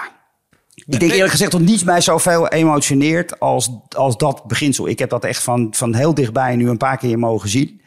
Dat het, dat het leven zichzelf gewoon wil herstellen, man. Dat Ja. is, dat is, dat is, ah, man, dat Zet, is zo mooi. eh, kapotte grond zetten, brandnetels op voor een paar jaar. Trek alles schoon. Het is eh, echt voeden de bodem. eh, en dan kan je een aantal jaar later, kan je daar gewoon weer, als je maar crop rotations toepast, kun je daar gewoon weer dingen doen. Echt wonderlijk, man. Ja, en, en wat ook hoopgevend is, en misschien is dat iets wat je hier een keer kan komen ervaren. Als je het tof vindt, mag je een keer een dagje meekomen werken. En dan, Met eh, plezier. eh, want we steken hier eh, graag de handen uit de mouwen. Maar de kracht van de natuur. Ik heb hier een voedselbos, dat onderhoud ik. Ik ben er al twee weken met een koekerie in de weer om het vrij te maken. Want het is overwoekerd. Het is twee jaar niet onderhouden. We zijn hier neergestreken. We hebben het achterstallig onderhoud aangetroffen en we zijn bezig. Maar dan begin ik vooraan in het bos. Nu ben ik twee weken verder. Ben ik nog niet eens aan de achterkant. Maar het begint aan de voorkant alweer. Weet je wel, je ziet het nog net niet groeien. Ehm, dus natuur is ook krachtig. Ja, man. En eh, eh, als je het de ruimte geeft, ja, zet een flatgebouw neer. Laat moeder natuur daar 80 jaar mee bezig zijn. Dus het flatgebouw is overwoekerd. Ja, joh. Ja. Afgebroken Ja. bijna al, snap je? Dus natuur herstelt ook snel. Ja, nou, ja, dat is misschien wel de, de, de, de meest diepe bron, existentiële bronangst die ons drijft natuurlijk. Hè? Dat we dit, dit weten we natuurlijk. Dat wij eh, denken de natuur te kunnen beheersen, maar we weten wel beter, man. Het is, eh, en misschien is dat wel de reden dat we zo ontzettend ons best doen om het tegendeel te, te bewijzen. Want het is natuurlijk angstaanjagend om te weten dat we gewoon helemaal niets voorstellen. Ach nee, eh, één supervulkaan, één meteorietinslag. Er, zijn dingen, er zijn dingen geweest op deze planeet die in de verte een fucking golf hebben zien aankomen van 500 meter hoog en dachten... What? That's it. dat, is ook de, dat is ook moeder natuur voor je. En dat wij het nu even een paar duizend jaar relatief rustig hebben gehad, dat zegt helemaal niks. Nee, man. nee, nee, nee. Nou ja. Nou ja, dan, hebben we, dan, dan, dan, hebben- dan, dan sluiten we toch met een hoopvol eh, boodschap af, eh, Michel, toch? Ik bedoel, eh, we kunnen nieuwe verhalen vertellen en we kunnen de natuur zijn gang laten gaan en dan eh, is het, herstelt het zich. En ehm, er zijn mensen, en dat, dat geeft mij hoop, want in dat opzicht wilde ik vooral jou ook spreken, omdat ja, je boodschap is op, op sommige onderdelen gewoon pittig, is wrang. Ja. Maar tegelijkertijd, eh, je bent niet langer een roepende in de woestijn. Nee, Die tijd is voorbij. Ja, dus dat- je zegt wel, ja, ik sta langs de kant van de weg met mijn bordje, maar als mensen beginnen te stoppen, draai het raam open, hé, hey, wat heb je eigenlijk te vertellen? dat is Dus waar. dat begint nu wel te gebeuren. En ik zie dat overal om me heen. En ik denk vooral dat het, dat het belangrijk is dat we snappen van... Ja, het wordt pijnlijk. Maar het is nog lang niet te laat. Nee, het is wel bizar eigenlijk, hè, hoe, hoe snel dat is gegaan. Want het, het- het- toen, eh, toen ik bij, eh, te gast was bij Eindbazen... eh, toen was, was het nog veel meer een, eh een, een roepende in de woestijn. En zo lang is het ook weer niet geleden. Maar ik weet dat ik toen de tijd nog dacht... Ja, leuk concept, maar wel een beetje spiriwiri. Ja. En toen, toen zat Ja. ik zelf ook nog heel erg in mijn, eh, in mijn, in mijn carrièrezucht. Ja. Dus ja, nee, nee, dat snap ik helemaal. En ik zie, ik zie die bewustwording eh, om me heen overal. En ik denk dat je daar een belangrijke rol eh, in, vervult ook. Want eh, je moet het wel elke... En dat vind ik er heel knap aan. En daarom verdien je wat mij betreft ook zo'n heldenposter. Je, je kijkt het wel elke dag aan, man. Ja, Daar waar sommige mensen, ik minder, maar ik ook nog steeds, zo af en toe toch ook wel even team struisvogel speelt. Gewoon even de kop in het zand. De- vandaag even niet, jongens, weet je wel. Nee, dit, dit is, ja, ja, ja. Nou, dankjewel. Ik, ja, ik, eh, eh, ik zit hier nu en ik, eh, en ik, en ik, ik, en ik, ik, ik zie in wat voor omgeving eh, jij eh, je zit en ik hoor je en ik, en ik herinner ook ons vorige gesprek. Ik vind het wel heel mooi hoor. Die- Jij, die transitie die, die, jij, die je doormaakt. En ik vind het heel mooi dat je, dat je heel erg verandert en tegelijkertijd ben je ook geen spat veranderd. Dat is mooi. Dat is Ja. mooi. En dat is ook de kracht volgens mij. Dat je, dat je en zoals ik, ik, ik ben, zolang ik mij kan herinneren, anarchist. Eh, en, dan, eh, en dan niet een, eh, vanuit een, het modische object, maar daadwerkelijk. ik ben politicologie gaan studeren omdat ik onwijs geïnteresseerd, was en ben in de grote anarchisten en, en de anarchistische filosofie en ideologie. En ik merk dat ik dat nog steeds ben. Maar ik merk, ik, ik merk dat ik dat nu heel erg goed kan, kan combineren met, met ecologie. En ook met een bepaalde mate van, eh, van, eh, van nuance. Hè? Ja. Dus dat ik, dat ik, ik ben activistisch en ik ben radicaal. Ehm, maar ik ben ook wel in staat om de, het midden op te zoeken. En eh, het gesprek aan te gaan. En beg- te begrijpen wat er speelt. In plaats van alleen maar eh, door, eh, door, door muren heen te gaan en te, en te, en te zeggen van Ja. het systeem dit en het systeem eh, dat. Het is wat je omschreef. Het is, in, het is met z'n allen. Dus het beste Ja. wat, wat je nu kan doen, tenminste dat probeer ik te doen. Ik probeer mensen een stukje op te zoeken. Ik reik een hand uit en dan trek ik je een klein... Kom, kom maar eens een keer een dagje op dat landgoed. Kom maar even een Ja. keer, weet je wel. En, en maak het maar eens mee. En zie het maar eens een keer. En iedereen loopt hier altijd een klein beetje anders weg.